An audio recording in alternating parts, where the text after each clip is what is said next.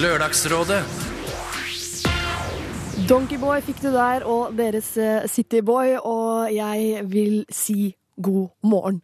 Du hører på Lørdagsrådet, og eh, her hos oss i dag så skal vi treffe et eh, kjærestepar. Begge to er 19 år gamle, og de skal flytte sammen til høsten. Men så har det seg slik at begge to de har holdt på med andre, helt i startfasen av forholdet. Hun med en fremmed i russetida, mens han hadde sex da med sin ekskjæreste hele to ganger rett før da dette paret ble sammen sånn offisielt. Eh, Han sier han ikke visste helt hva han drev med da han hadde sex med sin eh, eks, og nå er den nye kjæresten usikker på om hun kan stole på at han kommer til å vite hva han driver med i fremtiden. Kan hun stole på han i det hele tatt? Dette og andre problemer skal dagens rådgivere få lov til å svare på i dagens eh, lørdagsråd. Du hører på Lørdagsrådet med Siri Kristiansen. Oh my god, synger hun Ida Maria, og med seg har hun altså da Timo Reisenden. For noen eh, uker siden så fikk vi i Lørdagsrådet en telefon fra ei jente som da var på ridestevne. Eh, hun hadde et problem som ikke var direkte knyttet til ridning, men den er litt knyttet til det allikevel, hvis man tenker i overført eh, betydning. Fordi bestevenninnen hennes hadde ligget med kjæresten hennes, og hun var nå usikker på om hun var forplikta til å tilgi begge to, eller om hun kunne velge å bare tilgi den ene. For hun hadde nemlig lyst til å tilgi kjæresten sin. Han hadde bedt om unnskyldning, vært ydmyk, lagt seg flat i etterkant. Mens denne venninnen derimot, hun har hun ikke hørt et knyst fra. Eh, Vi hadde Aisha Afif, Christian Strand og Aps Anette Trettebergstuen med oss i rådet, og du skal få høre noe av det de kom med av eh, råd. Fordi jeg er av den skolen at jeg tenker sånn Ok, hvis du er utro, så har du drita ut, og da kan You're du bare Ja, da er du out. Men det er jo ingen å tilgi når en venninne ikke har prøvd. Eh, Så er det jo ingenting mer å gjøre. Det er jo venninna som her skal prøve eh, å bli tilgitt. Når hun ikke yter den innsatsen, så fortjener hun heller ikke å bli tilgitt. Jeg kan jo på en måte skjønne hvordan denne venninna reagerer. Altså, hun skjønner jo hva hun har vært og gjort.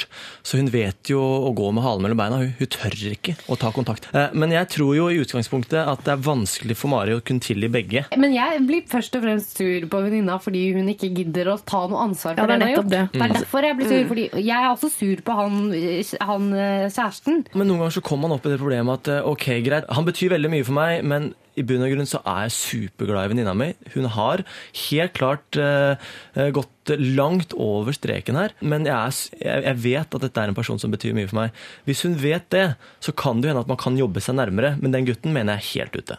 Er det sant? Ja, jeg mener det er jeg så Jeg uenig i. Jeg tenker helt motsatt. Fordi ta- hun, hvis hun venninna ikke engang har hun, har ikke engang, hun, hun vil ikke engang deale med konsekvensene av hva det er hun har gjort. Hun bare holder helt kjeft. Hun venninna der kan dra til helvete.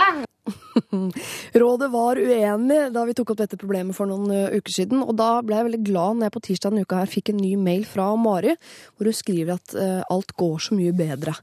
Uh, og vi har ringt Mari. God morgen. God morgen.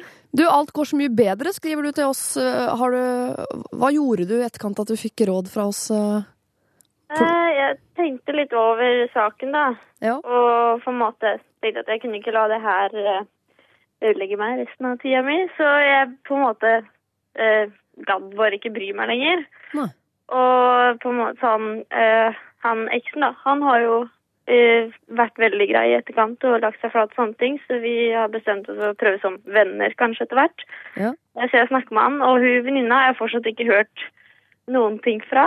Og hun vil liksom ikke se på meg engang jeg ser henne ut og hun gjemmer seg for meg og sånn. Og det er sånn selvfølgelig har ikke noe problem med å hilse på henne hvis jeg ser henne, men eh, jeg tror ikke jeg gidder å prøve mer med henne når ikke hun har lyst engang. Men har dere, dere to venninnene, har dere ikke noen felles venninner også? Jo, Hva sier de? Har det. Eh, De er ganske sjokka, og det er liksom eh, Men jeg har jo sagt til de at de må ikke velge eh, mellom oss to, for det er jo meg hun har gjort det mot, og ikke de. Så det er det ikke noe problem med at de kanskje fortsatt er med hun, men de har jo på en måte kanskje mista litt tilliten til henne, da. ja, det kan jeg jo forstå. Ja, og vi skulle jo egentlig hatt russebil sammen, men uh, hun valgte tydeligvis å trekke seg fra den, da, for hun hadde ikke lyst til å bli kasta ut hvis det var det de andre valgte. Nei. Så henne har du ikke noe med å gjøre i det hele tatt, og det fungerer selv om dere går tydeligvis på samme skole?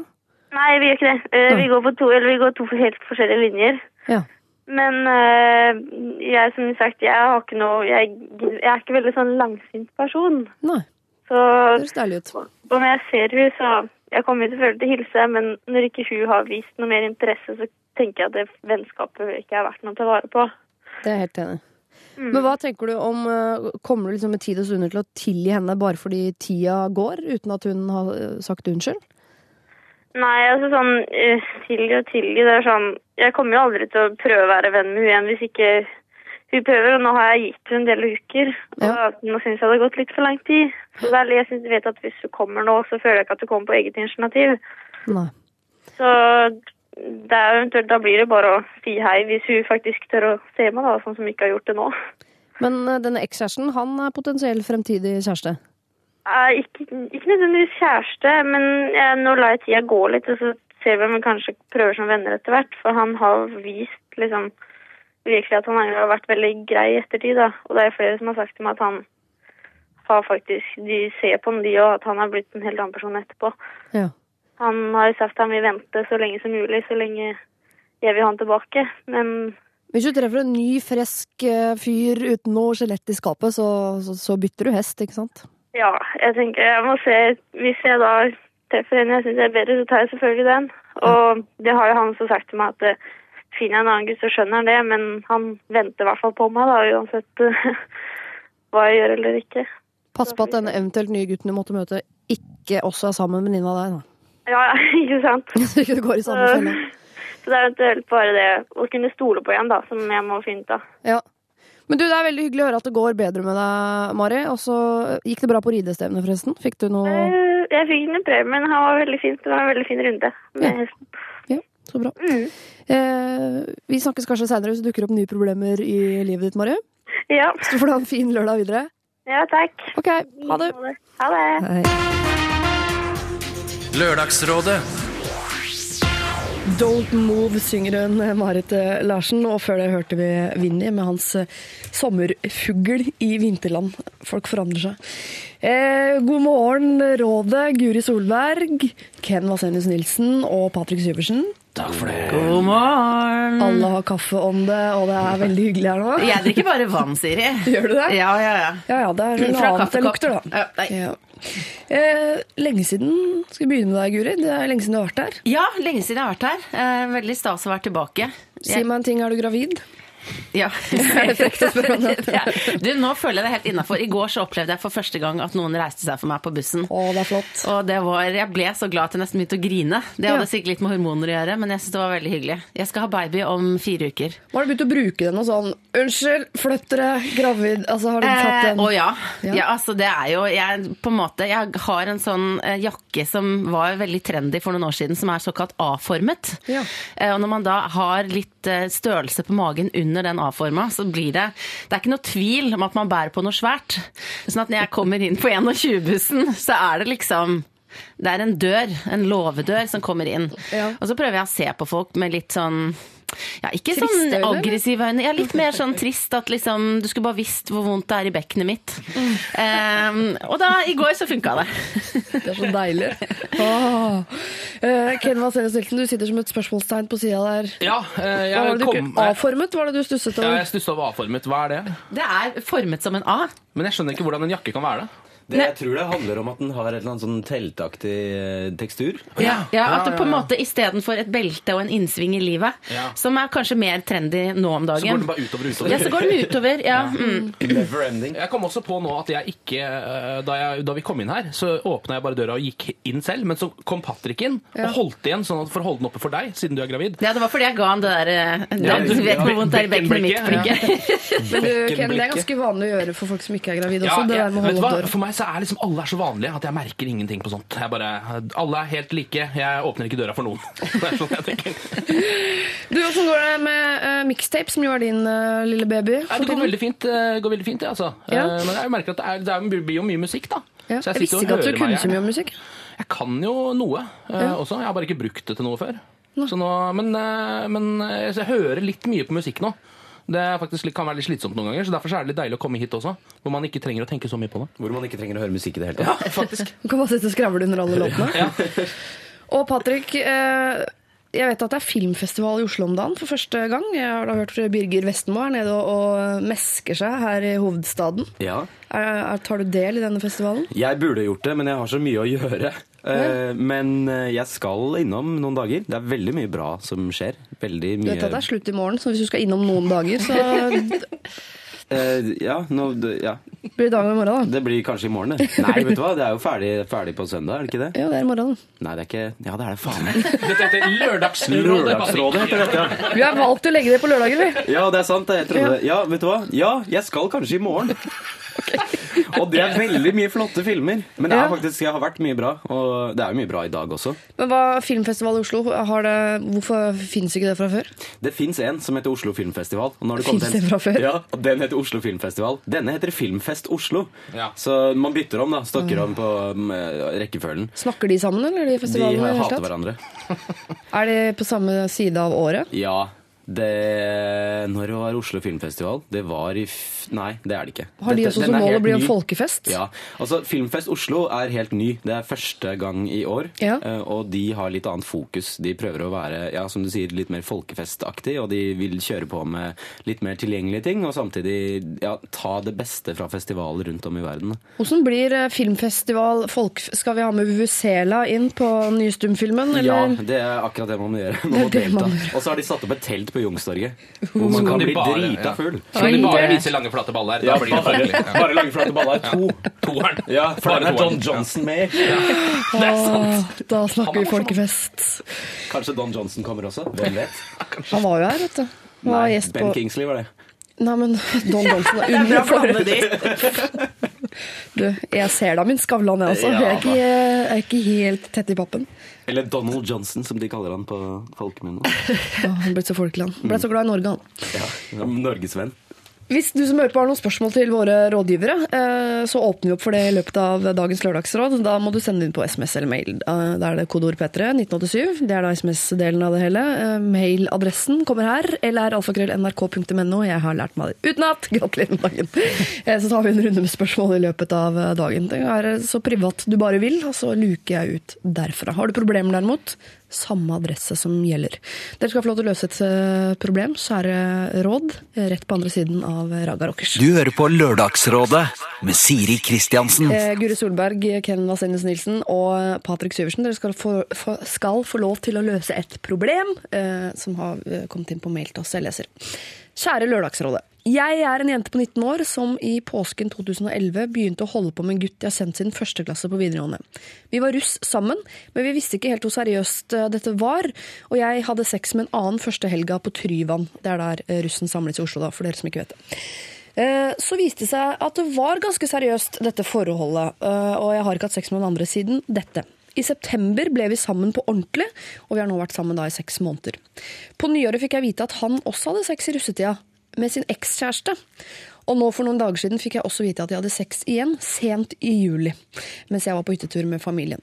Jeg vet at ikke vi var sammen på dette tidspunktet, og unnskyldningen hans er at han var så full at han ikke visste hva han gjorde. Nå skal vi flytte sammen til høsten, men jeg lurer på om jeg kan stole på han under fadderuka og andre fester som måtte komme. Um, ja, ja, hva syns dere? Jeg tenker, her er det jo to stykker, 19 år, de har ligget med andre rett før de ble sammen begge to. Samtidig med at de var på dilleren. Og det er ingen som har gjort noe gærent, men eh, man er jo usikker på om man kan stole på folk som, som bruker unnskyldningen 'jeg aner ikke hva jeg dreiv med'. Ja, Eh, det er derfor jeg ler litt. Ja. Jeg mente ikke å, å, å gjøre narr av problemet, altså, for det er jo reelt nok. Men akkurat det der med at man kan jo kjenne det igjen kanskje litt. At fadderuke russetida, det er liksom sånne epoker i livet hvor man går helt sånn kanakkas. Ja. Så da er det kanskje vanskelig å stole på noen akkurat i den uka hvis de har en historie eh, til sånn fylle, fylleutskeielser, tenker Ja. jeg. Så hun, øh, det er ikke noen grunn til at hun skal stole på han nå gjennom fadderuke og fester som måtte komme. Jeg vil, altså det kommer jo helt an på hvordan han har presentert ting. Som hun sier, så er det jo akkurat det, så har han jo sagt jeg aner ikke hva jeg gjorde. Og det syns jeg er litt sånn urovekkende. Hvis han hadde vært mer åpen om det og sagt ja, det, det skjedde, men sånn var det bare, men nå er det oss, så hadde hun sikkert hatt bedre grunn til å, å være trygg på det. Ja. Men sånn som det fremstår nå, så virker det som at hvordan han presenterer ting, er det som gjør hun usikker, og ikke hva de har gjort. For hun har jo gjort noe lignende. Ja, Men ikke med X, da. Jeg synes det, det er en liten forskjell der. Ja, det, ja de er Ja. 19 år. Ja. Men eh, man vil heller, eh, jeg vil heller at eh, typen skal gått på en smell med en eller annen han møtte på gata, Mhm. enn med eksen. For jeg føler, i det du Ja. ligger med eksen, så er det noen følelser der. Altså. Ja, kanskje. Men ja, jeg vet ikke, ja, det er, det er jo også noe med den perioden der, altså sånn faddergruppe, mye sånn fest, eh, fe, festperioden. Eh, hvis, man, eh, hvis, hvis man kommer over den kneika der, så kan Ja. hende at det roer seg ned litt, faktisk. Høres enkelt ut, men det er faktisk litt sant. Jeg tenker jeg er enig med deg, Siri, at eh, ekser er alltid litt sånn skumle. Men samtidig, så for ryddighetens skyld i dette problemet, så tenker jeg at la oss bare si at helt sånn moralsk så står de likt. Altså, ok, De har liksom pult litt rundt. Ferdig pakke. Nå har de lyst til å være kjærester og bo sammen. Ja. Eh, Så nå er det mer det der stole på-spørsmålet. Og da er det jo det der samme gamle rådet sånn å prate. Prat sammen! Ta dere en seriøs prat før dere på en måte kjøper den nye leiligheten, eller Ja, for Problemet hennes er jo at hun vet ikke om hun kan stole på om han neste gang han er kjempefull, kommer til å gjøre noe han ikke aner hva er for noe i etterkant. Ja, Så kanskje problemet er nettopp det du sier, uh, Patrick Syversen, at, eh, at han, Det er jo ikke sant at han ikke ante hva han drev med. Nei, han visste jo hvordan alt virka. Kanskje han burde måte- vært eh, Fordi vi sier jo ofte det vi tror at den andre vil høre. Og da jeg ville også sagt sånn Nei, vet du hva, jeg husker det ikke engang. Så ubetydelig var det for meg. Det skjedde ikke engang. aner Det kanskje var en fra Donkeyboy. Ja, ikke sant? Hvem vet? Eh, så kanskje han skulle bare Kanskje skal ta en ny runde hvor han bestemmer seg for å være litt mer ærlig på sånn. Selvfølgelig visste hva jeg gjorde. Jeg gikk ikke til samme kakeboksen som jeg pleier, og jeg vet jo, jeg vet jo jeg finner småkakene på huet, jeg. Ja.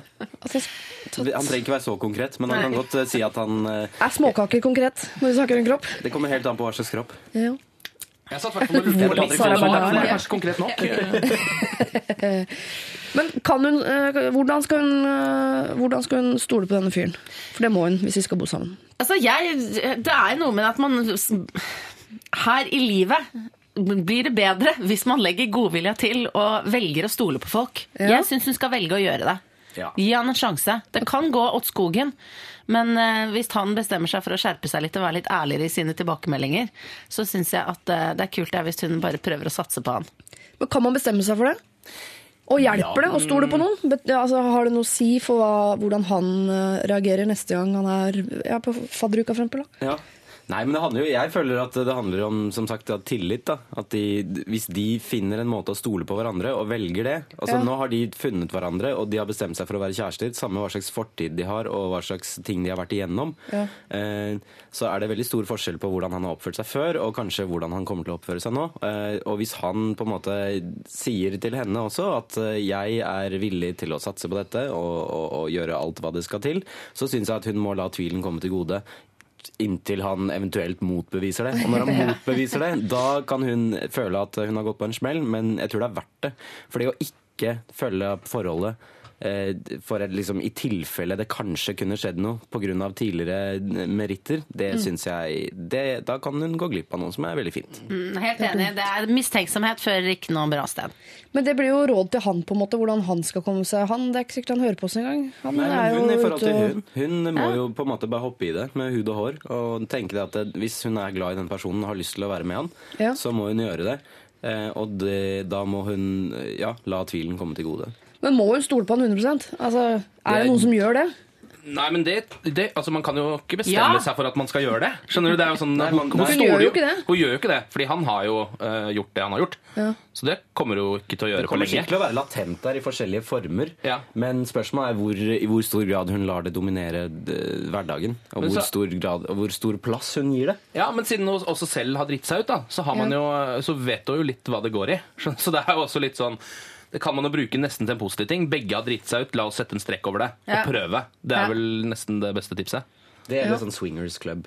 Ja, enten det Ja, eller det det. hadde vært perfekt. Ja. Ja. Det også krever en viss dialog, føler jeg. Så, altså, ja, Ikke begynn med det ennå. ikke be- det Dere er litt ikke der. tidlig. Ja. Vent til de har flytta ut av byen eh, og blitt gamle, og, og bikkja har fått grå Blitt hår. Blitt styggere, for Ja. det er viktig på swingersklubb at Ja, man er stygge og gamle når man er med på det. Hvis du kommer vakker inn i en swingersklubb, da har du på en eller annen måte tapt. Selv om du er den eneste i rommet. Så på en eller annen måte har du tapt.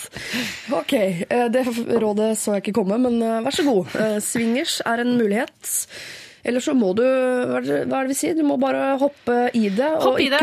altså, du må la tvilen komme han til gode, rett og slett. Se mm. hva som skjer.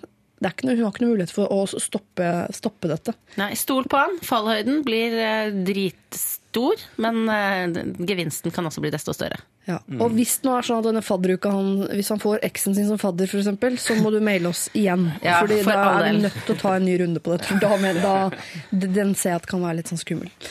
Ehm, hvis du har andre problemer, så send det veldig gjerne inn til oss. Altså lralfgrøll.nrk.no, eller så bruker du SMS. Da er det kodeord P3 til 1987. Det koster deg da en tre eh, kroner. Eh, Jeg håper det ordner seg, at du med tid og stunder kan lære deg å stole på typen din. Eh, Meld oss gjerne hvordan det går, hvis det er noen endringer i måten du stoler på han på, eller endringer i hva han driver med på fest, eller sånn ellers i uka. Eh, Du får her Susanne Sundfør, Dette er eh, White Foxes. Lørdagsrådet på P3. Susanne Sundfør eh, gjør det igjen med sin White Foxes. Nå har jeg en tendens til å Man faller i en sånn musikalsk narkose når man hører Susanne Sundfør. Så det er deilig, men det er noe litt sånn farlig over det. Ja, det klør litt også. Det er liksom godt, og så er det litt vondt òg. Ja, Ja, det mener jeg som et kompliment eh, til eh, musikeren Susanne Sundfør, altså. At det er litt sånn, eh, litt sånn guffen motstand i det, på et vis. litt for lenge på steder. Ja, et eller annet. Og så føler man at hun har skjønt noe som ikke vi andre har skjønt ennå. At hun Ja. har liksom oppdaget et eller annet som vi Hun har oppdaget Donkeyboy. Du er veldig opptatt av Donkeyboy i dag. Det er fordi Donkeyboy ligger på fredagsavisen som ligger foran oss. Ja. Ja, det er gårsdagen. Vi må legge gårsdagen bak oss. Det var derfor jeg trodde det var fredag. På grunn Donkey Boy. Vi skal ta et uh, kort uh, problem som er litt mer sånn uh, praktisk anlagt. Jeg leser. Hvordan får jeg samboeren min til å pusse tennene om morgenen? Det er så nasty at han bare gjør det om kvelden, og det lukter ikke alltid videre godt. Eh, lukten i tillegg til tanken på at han ikke har pussa tenna, gjør at jeg eh, iblant har problemer med å kysse han. Jeg har prøvd å hinte, men det er ikke så lett da dette er et noe sensitivt tema. Har vi noen gode forslag? Um, Oi. Den er vanskelig hvis man ikke bare kan si det. Så, så Da har, de fle- da har de fundamentale problemer i forholdet, Ja. vil jeg si. Hvis du ikke kan si du kan, har, har du ikke pussa tenna i dag? Ja, det er Er enig i det det. drastisk av meg å å det si må det? man kunne si. Ja. Selvfølgelig må man si det. Hei, du, i dag må du Ja. pusse tennene. Det er enten det, eller så må man sette i gang en sånn sitcom-situasjon hvor man skal lure det inn på en eller annen måte. Det pleier aldri å funke så bra, altså. Da må du, du, du ringe Tore Ryen, og det blir veldig komplisert. Ja, det blir veldig komplisert. Men det er jo, altså, ikke sant? eh, Jeg har vært gift i mange år, men jeg vet likevel at når man skal si fra om noe, så er det jo veldig ofte at man kan såre noen. Ja. Og selv en sånn eh, basic greie som at noen har ganske dårlig ånde, det kan tas ille opp, da. Ja. Eh, Så jeg skjønner behovet for å si det på en litt sånn alternativ måte. Og jeg, et, et tips som, eh, som kan brukes i mange situasjoner, er jo såkalt sandwiching. At man sier noe positivt, så sier noe negativt, Ja. så sier man noe positivt. Du er fin på håret. Nå må du pusse tennene. Fin genser. Ja, ikke sant? Ja. Det, det, var, eh, det var en fin skissering, kanskje ikke et skoleeksempel, men jeg føler at det er eh, ikke sammen i det hele ja. Eller, eller hva med, hva med Skal vi pusse tenna sammen i dag? Den, ja. Eller, eller hva med jeg har kjøpt ny tannbørste? Ja. Jeg har hørt at uh, Den er ekstremt god. Hun har prøvd å hinte, folkens. Dette Å, ja, er hun har det, hinting. ja. Ja, ok. Dette Ja, er ok, hinting. Hun har prøvd det, ja. Det. Ja. Nei, da foreslår jeg, eh, jeg foreslår, Mitt forslag er sandwiching. Ganske tydelig. Og så eh, si noe hyggelig først. At det, åh, det er så koselig når du eh, når Pusser Jeg tenna. liker så godt i den genseren der. Sånn, og så, Ja. Men du, jeg syns du skal pusse tenna nå. Nei, jeg, det syns du ikke du hun skal hinte. Jeg synes Da skal hun si det tydelig. Ja. Bare at Da kan hun være helt krystallklar, men bare hun passer på å si noe hyggelig før og etter, så ikke han fyren, som da kanskje er litt uh, ømtålig, da, Ja. uh, blir lei seg og tenker at hun ikke elsker ham fordi han ikke pusser tenna. For det gjør, hun elsker han jo. Ja. Eller det tror jeg i hvert fall. derfor vil du at han skal pusse tenna. Ja, Akkurat. sant. Men det er jo, for meg så vil jeg si at eh, et av tipsene også er jo bare å bruke bare det praktiske ved det. Og si at det er veldig viktig å pusse tennene. Ja.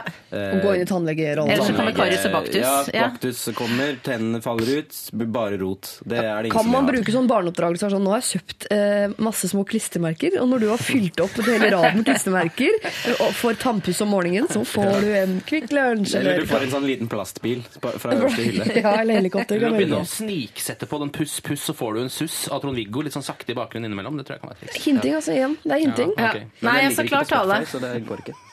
Jeg syns jeg klar tale, ja. Ja. Blir, blir man ikke leit seg av La oss si de har vært sammen en stund, for de har rukket å bli samboere. Jeg tenker Hvis man bare sagt det med en gang, så er det Ja. greit. Men Ja. dette har hun tenkt på i årevis. Hun. Og da kan man bli lei seg å jeg har lukta dritt de siste fire årene, og nå har du endelig liksom tatt steget inn Ja. i samtalens verden. Da syns jeg hun bør adressere det også. En idé er jo kanskje å liksom snike det inn som om akkurat hun også har fått en revelation om at vet du hva, jeg har funnet ut at å pusse tennene om morgenen er faktisk en veldig god idé. Jeg har begynt å pusse tennene to ganger om dagen. Ja, eh, faktisk Om morgenen også er det veldig fint etter man har drukket kaffe. Kanskje hun kan ta det inn den veien. Alltid, Ja. Hvis man gjør det via seg selv og sine egne skavanker, så vil ikke de, de den har begynt å få så skavanker. dårlig ånde. Det er sikkert ikke noe godt å kysse meg nå, for jeg pusser bare tennene en gang om dagen. Ja, kanskje vi skal begynne å pusse tennene sammen om morgenen, for jeg har fått beskjed om at jeg lukter vondt. Så da ja. må jeg, jeg trenger din hjelp. Eller jeg har vært hos tannlegen i dag. Tannlegen sa at det var ekstremt viktig for meg å prikk, prikk, prikk. Ja. Jeg har klina med en annen, han sa det som Ellers kan man late som man har oppdaget det der og da, tenker jeg også. Oi!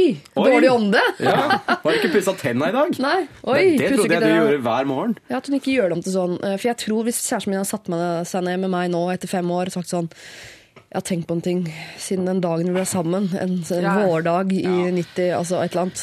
Du har luktet mye vondt. Ja, det er grusomt. Det jeg Ja, jeg har forferdelig tanke, og så begynner du å tenke på alle du har pusta i fjeset med den ånden og sånn. Nei, den får all det prøve å unngå det. Ja, Lat som om det er noe helt nytt. Ja. Ånden, du har fått en ny ånde nå. Den må vi bli kvitt. Ja. Det er så vanskelig å være kjærester. Bare Det er litt vanskelig. Åh, jeg skal slå opp når jeg kommer hjem. Jeg orker ikke mer. Det er fint, da. Det er veldig fint òg. altså, når eh, ånden er borte, og vi er midt på dagen og man er i gang med samtalen. Da kan det være ganske hyggelig av og til. Altså. Eh, håper du finner en løsning eh, på dette her. Eh, hvis ikke, så si fra til meg, så skal jeg sende han en eh, mail med P3-stempel. Eh, du må begynne å pusse tennene dine. Såpass hands on er vi her i NRK. Vi går videre med Kelis og Calvin Harris. De har låta sammen som heter Bounce. Lørdagsrådet Før Adele og hennes Someone Like You, så fikk vi høre fra en jente som var bekymra på vegne av kjæresten sin. Han trives i jobben, nært knytta til sine kollegaer, men det er så mye sosiale ting som skjer at han blir helt utslitt. Hun ser på kjæresten sin at han er sliten, og hun er redd for at han ikke skal orke mer og gå på en smell. Eh, filmregissør Patrick Syversen, eh, mixtape-DJ eh, Nå er jeg blitt dude. DJ nå. Ken Vasenius Nilsen og TV 2-profil Guri Solberg. Eh, umiddelbare tanker. Altså, eh, på en må eh, kjenn meg igjen.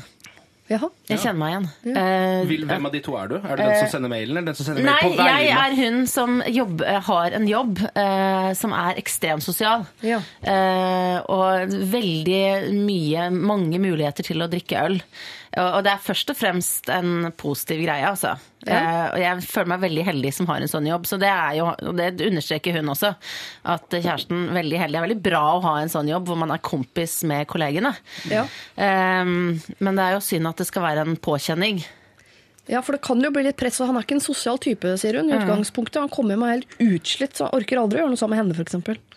Nei, fordi det virker som om hun er, som hun sa, hun er ikke sjalu, men hun er veldig bekymret for hans ve og vel. Ja. Og spørsmålet er da på en måte hvordan, eh, hvordan har de snakket om dette, eller hvordan har hun sett at dette på en måte er en påkjenning for henne? Er det noe hun antar fordi han er sliten og føler at han har mye å gjøre, eller er det noe de har prata om? Hvis de ikke har prata om det, så syns jeg kanskje at de bør snakke om i forhold, ja, å, å finne ut eh, hvor skoen trykker, for hennes del også. Fordi Er det bare bekymring fra hennes side, eller er det noe annet også? Ja, Hun sier jo rett ut at det ikke er sjalu, men jeg får jo veldig den følelsen allikevel. Ja. Og jeg fikk den sjalufølelsen. Ja, jeg fikk litt sjalufølelse. Jeg fikk ikke det. Nå, nei, fordi jeg føler at man er veldig sånn Ja, når man sier at man ikke er sjalu, eller sier 'ja, det er ikke noe gærent med meg', altså, Ja. så er det sannsynlighet Han blir så for- sliten. Han blir så sliten. Ah, ok, så dere leser mellom linjene her? Ja, Ja, akkurat, ja. Mm. ja nå følte jeg meg litt naiv.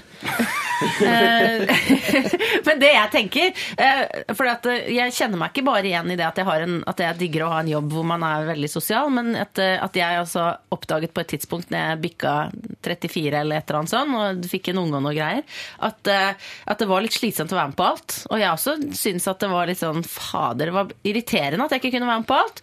Og så fikk jeg litt sånn dårlig samvittighet og redd for at noen viktige avgjørelser skulle bli tatt mens man tok den tredje ølen, og sånn at jeg ikke var der. Ja. Men så har jeg skjønt at det er ikke så farlig å gå glipp av noe, og at folk har veldig forståelse for det. Så det var på en måte min løsning på dette problemet, men det, det forandra seg litt nå når jeg skjønte at eh, det kanskje lå et budskap mellom linjene på denne mailen. det kan jo hende vi leser det subteksten helt feil også. Det Det, kan kan, jo hende. det er Ja. veldig konkret. Og hvis det er veldig konkret, så er det egentlig to biter. Det, er, det ene er at han blir ekstremt sliten og har veldig mye å gjøre og føler et ansvar overfor jobben sin og det på en måte sosiale aspektet. Ja. Eh, Det andre er jo at eh, dette går utover privatlivet eller parforholdet til disse menneskene. Eh, og det er egentlig der problemet ligger. Og jeg synes at Hvis man skal angripe det, så er det mer sånn hvordan skal man få tid til å ta vare på forholdet og ta vare på hverandre sosialt, samtidig som han kan opprettholde det sosiale på jobben. Ja, vi, vi, må på måte, vi må bare stole på henne og sier at det ikke er eh, sjalusi. Ja. Problemet hennes er jo at hun har ikke noe Hun føler ikke at hun har arbeidserfaring nok til å kunne gi han råd på Altså på et ordentlig grunnlag. Da. Hun har ikke, hun har ikke liksom noen forutsetninger for å kunne si ja, på min jobb gjør vi det sånn og sånn. og sånn. Hun, så hun trenger noe, rett og slett noen verktøy fra oss, som jo har vært yrkesaktive et kvarter eller to, på, på hvordan hun kan få han til å forstå at, at han ikke må være med på alt. Hva skal han si til kollegaene sine uten å virke døv, eller jeg vet ikke hva han er redd for. Det. Nei, det er akkurat det. Det må man jo finne ut. Hva er det han er redd for, og hva, måte, hva føler han? Hva slags forventningspress har han på seg fra jobben og fra menneskene rundt seg? Hvis, hvis han føler at det er en, en weight on his shoulders, som de sier, Ja, så på engelsk, eh, da, da bør det være noe man kan ta opp. Eh, Hvis ikke så syns jeg ikke hun nødvendigvis trenger arbeidserfaring for å kunne ta opp med han at eh, hvor stor plass jobben hans tar, går utover forholdet deres. Nei. Jeg syns at hun, hun kan godt ta opp det, fordi på lang sikt så vil ikke det være positivt for noen. Hun har jo verdens beste utgangspunkt for å gi han et råd, det er at hun bryr seg om han. Ja. Jeg ser at du er sliten. Jeg ser at du er sliten. Men jeg kan Hei, ikke gjøre jobben for deg. Men også, også tenker jeg at, eh, at, eh, at eh, vær så god, her er fra min arbeidserfaring, at det går helt greit. De høres jo kjempeålreite ut, de folka på jobben. De kommer ikke til å bli noe sure på han i det hele tatt. Det er jeg nesten helt sikker på, uten å vite hvor han jobber. At så ålreit som det høres ut som de har det på jobben, så kommer de til å skjønne at herregud, han kan jo ikke drive og være med på alt. Han orker ikke det. Kanskje de har tenkt på det samme sjøl. Ja. Bli hjemme noen kvelder. Og det er ikke noe krise. Det kan jeg nesten si helt garantert. Men kan hun gjøre noe aktivt, eller det er bare prat her som gjør Hun kan ikke, hun kan ikke bryte inn, hun kan ikke ta kontakt med jobben. Altså, hun Jo, kan ikke, gå, nei, hun kan ikke Nei, nei, nei, Gå inn på fredagspilsen. Hei, nå er typen min sliten. han er veldig sliten nå. Kan se det på han. Sover dårlig om natta, gjør han nå. Men hvis, eh, hvis du har lyst til å være mer sammen, så går det an å, å bli med noen ganger? gjør Det ikke det? Det er jo ikke sånn ja, at Når man tar en øl etter Ja. jobb, så er det ikke sånn at bare de som jobber i den bedriften, får lov å sitte sammen. Kommer helt, helt an på hva Det er jo hyggelig å bli kjent med de som kjenner de andre også. Ja. Ja, du ble sur hvis du satt der en onsdagskveld over en pils sammen med Dorte Skappel, Guri, og typen den kom inn, liksom. Hadde hadde ødelagt stemninga, eller? Du, det har faktisk skjedd. Ikke med Dorte Skappel, men, eh, men jeg Det har skjedd med Donkeyboy. Det har aldri skjedd med Donkeyboy heller. Men det, men det har skjedd stadig. Jeg har blandet de to sfærene, privatliv og jobb. Og det kan jeg også anbefale veldig. Så kanskje hun bare skal aktivt ta del i det, for den sosiale uh, greia som foregår på jobben hans, virker jo umiddelbart litt forlokkende, spør du meg. Ja, det høres jo positivt ut. hun burde bare hive seg på som en kall det gjerne en blindpassasjer, men det er greit. Nå, hvis man, eh, altså hun kan jo bare sitte og holde han i hånda, si litt på første gangen, og så etter hvert ta mer og mer plass. Altså, Da tar hun over hele greia. Ja. Så det er egentlig snakk om det, eller vær med. Eller så er et annet alternativ er å ta han med på ting hun gjør med hennes venner og hennes sosiale krets. Hvis mm. hun har det, noe jeg håper hun har. Eh, så for I utgangspunktet så er det jo egentlig bare positivt her. Han har en jobb som han liker veldig godt. Han har også mennesker rundt seg. Eh, hun er veldig glad i han og vil være med han. Så det er bare å finne en måte å kombinere alle de tingene uten at det går utover livskvaliteten. For går det utover livskvaliteten, da, Da da kan man bli utbrent. Ja, både hjemme og på da, ja. Men det hadde vært fint om hun også, eh, hvis hun tar del i hans sosiale liv på jobben, eh, kan gå inn som litt sånn den slitne martyren, som er sånn Nå må vi gå hjem fordi jeg er sliten. Så Ja. slipper han å være den slitne i sin eh, arbeidssituasjon. Så ja. sånn, Nå må han støtte meg hjem, for nå, Ja. altså, nå sliter jeg med hofta, eller altså Finn på noe. Si noe om Bruk bekkene. bekkene, det er det er det beste. Ja, eller bli gravid. Så vi kom på samme vits parallelt. Takk. Eh, det der er jeg helt sikker på at løser seg. Altså. Enten så må du ta del i dette her. Hva var de andre alternativene? For jeg synes det var så god idé. at Nå har jeg glemt det, det dere sa. Ta del. Eh, ta del. Si at han, det er ikke så farlig om han ikke tar del i alt. Ikke noe krise. Nei. Eller ta han med på dine ting. Ja. Oppsummering levert av Guri Solberg, sponset av TV 2. Vær så god. David Guetta Sia skal vi gjøre med Titanium, og du må gjerne sende oss et eh, problem eller en kommentar til det du har hørt. P31987 er SMS, eh, tre kroner koster det, eller lr.alfakrøll.nrk.no. Det er gratis. Du hører på Lørdagsrådet med Siri Kristiansen. Sia og David Guetta der eh, sammen om låta Titanium.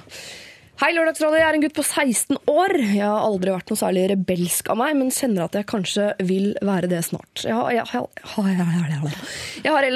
heller aldri vært av den populære typen, og liker meg best for meg selv.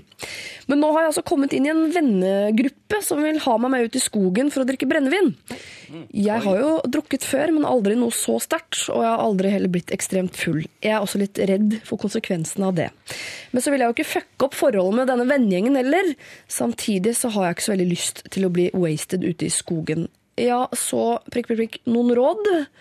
Takk, takk. Dette fikk vi altså inn i dag morges fra en gutt på 16. Ja. Som har endelig fått seg en vennegjeng, men som vil dra han til skogs Til for å drikke, drikke. sprit. Ja. Jeg kjenner meg litt igjen i det der fra da jeg var yngre selv, faktisk. At man liksom vil være sammen med de tøffe gutta, men Ja. så er man egentlig ikke tøff nok. Eh, og så blir det litt sånn ubehagelig. Og, Ja, for det er veldig tøft å gå ut i skogen og drikke sprit. Han føler jo det. Det Han- jo ja. som det, han definerer det som det, fordi han starter jo med at jeg vil være Jeg har tenkt å begynne å bli rebelsk snart. Noe som jeg syns er et veldig dårlig utgangspunkt for å bli rebelsk. Enten så har man lyst til å gjøre noe, eller så har man ikke lyst til å gjøre noe. Uh, Jeg syns ikke han skal utføre en holdningsendring for å, for å ja, tøffe seg for vennene sine.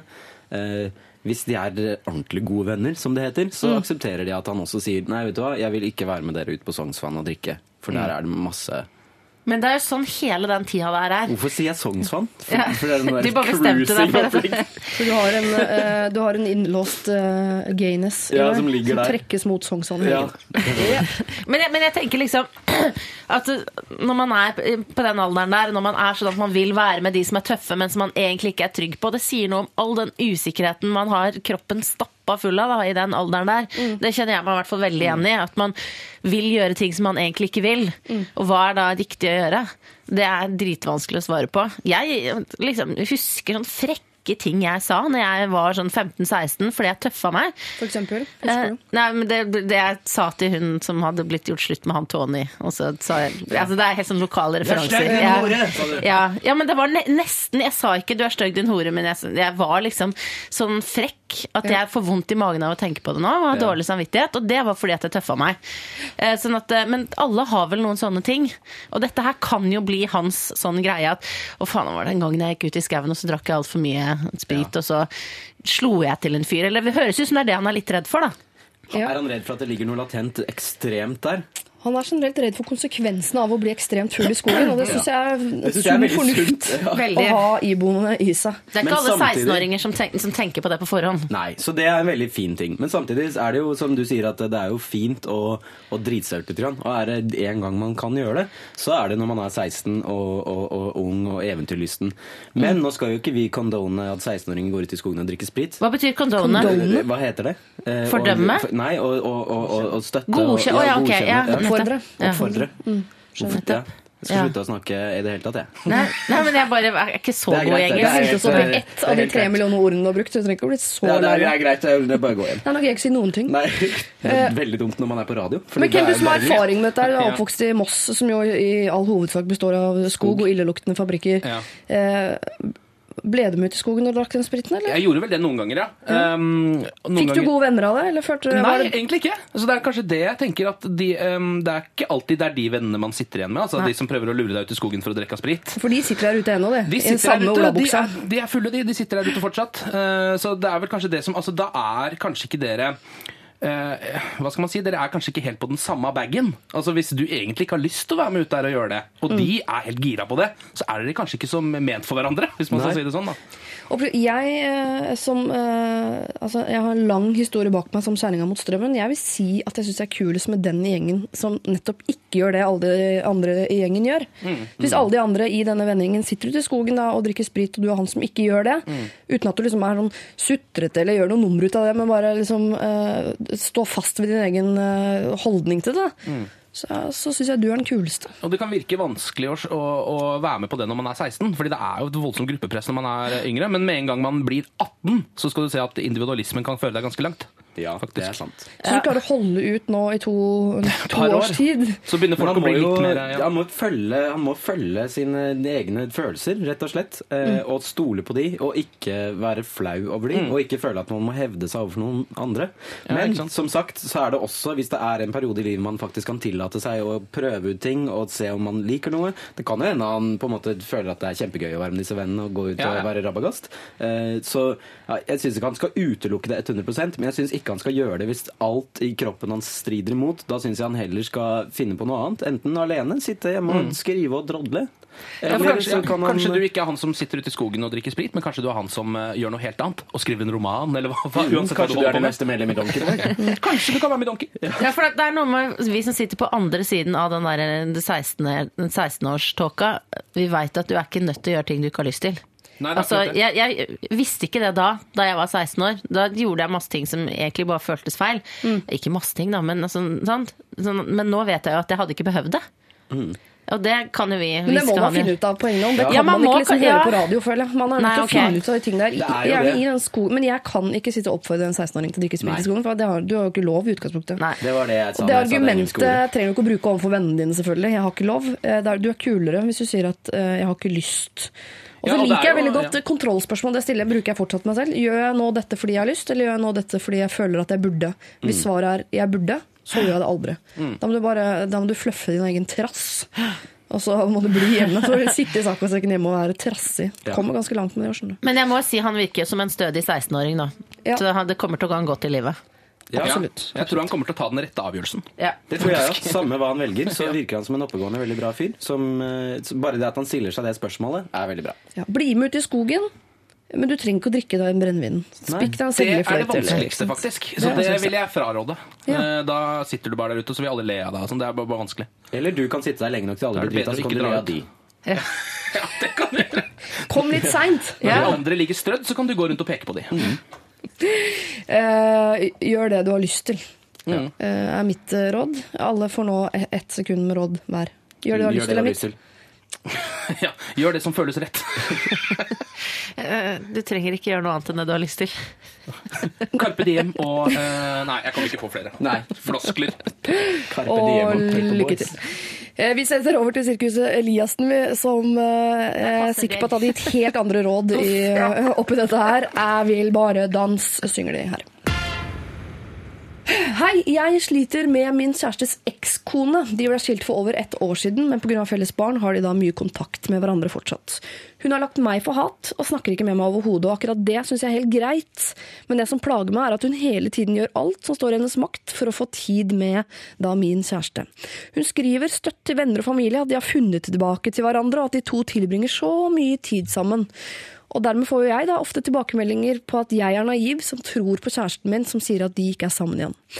Vi bor ikke sammen, jeg og kjæresten min. Vi bor heller ikke i samme by, men vi er mye sammen og snakker sammen flere ganger om dagen.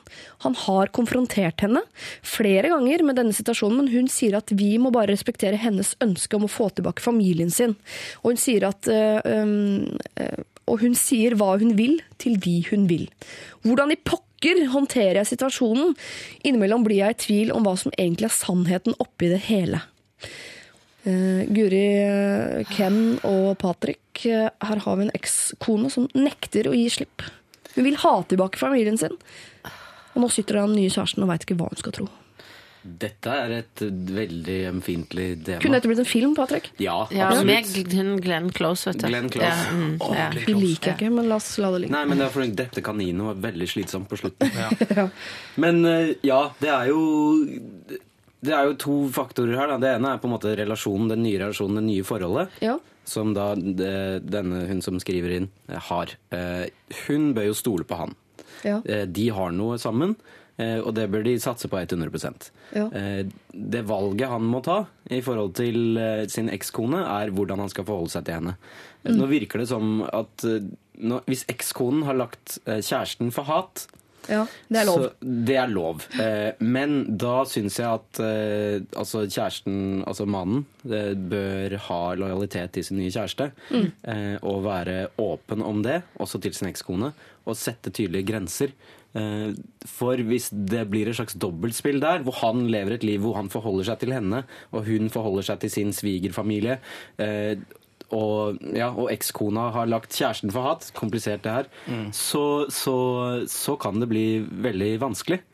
Så jeg mener jo det at mannen bør sette ned foten og være veldig tydelig. Det, har Ja. hun, det sier hun at han kanskje Ja, har han har gjort også. konfrontert henne flere ganger med situasjonen, men hun sier at vi må bare respektere hennes ønske om å få tilbake familien sin. Da Må de respektere det det? Må de bare respektere, eller? Hun har, jo, hun har jo rett til å mene hva hun vil og si hva hun vil, men eh, når det er barn involvert og det er andre mennesker involvert, så syns jeg det er veldig på tide med en ordentlig alvorsprat om på en måte hvilke konsekvenser det har for menneskene rundt. Det er jo ingen som har rett til å være liksom, ondskapsfull, som det nærmest høres ut som hun er her.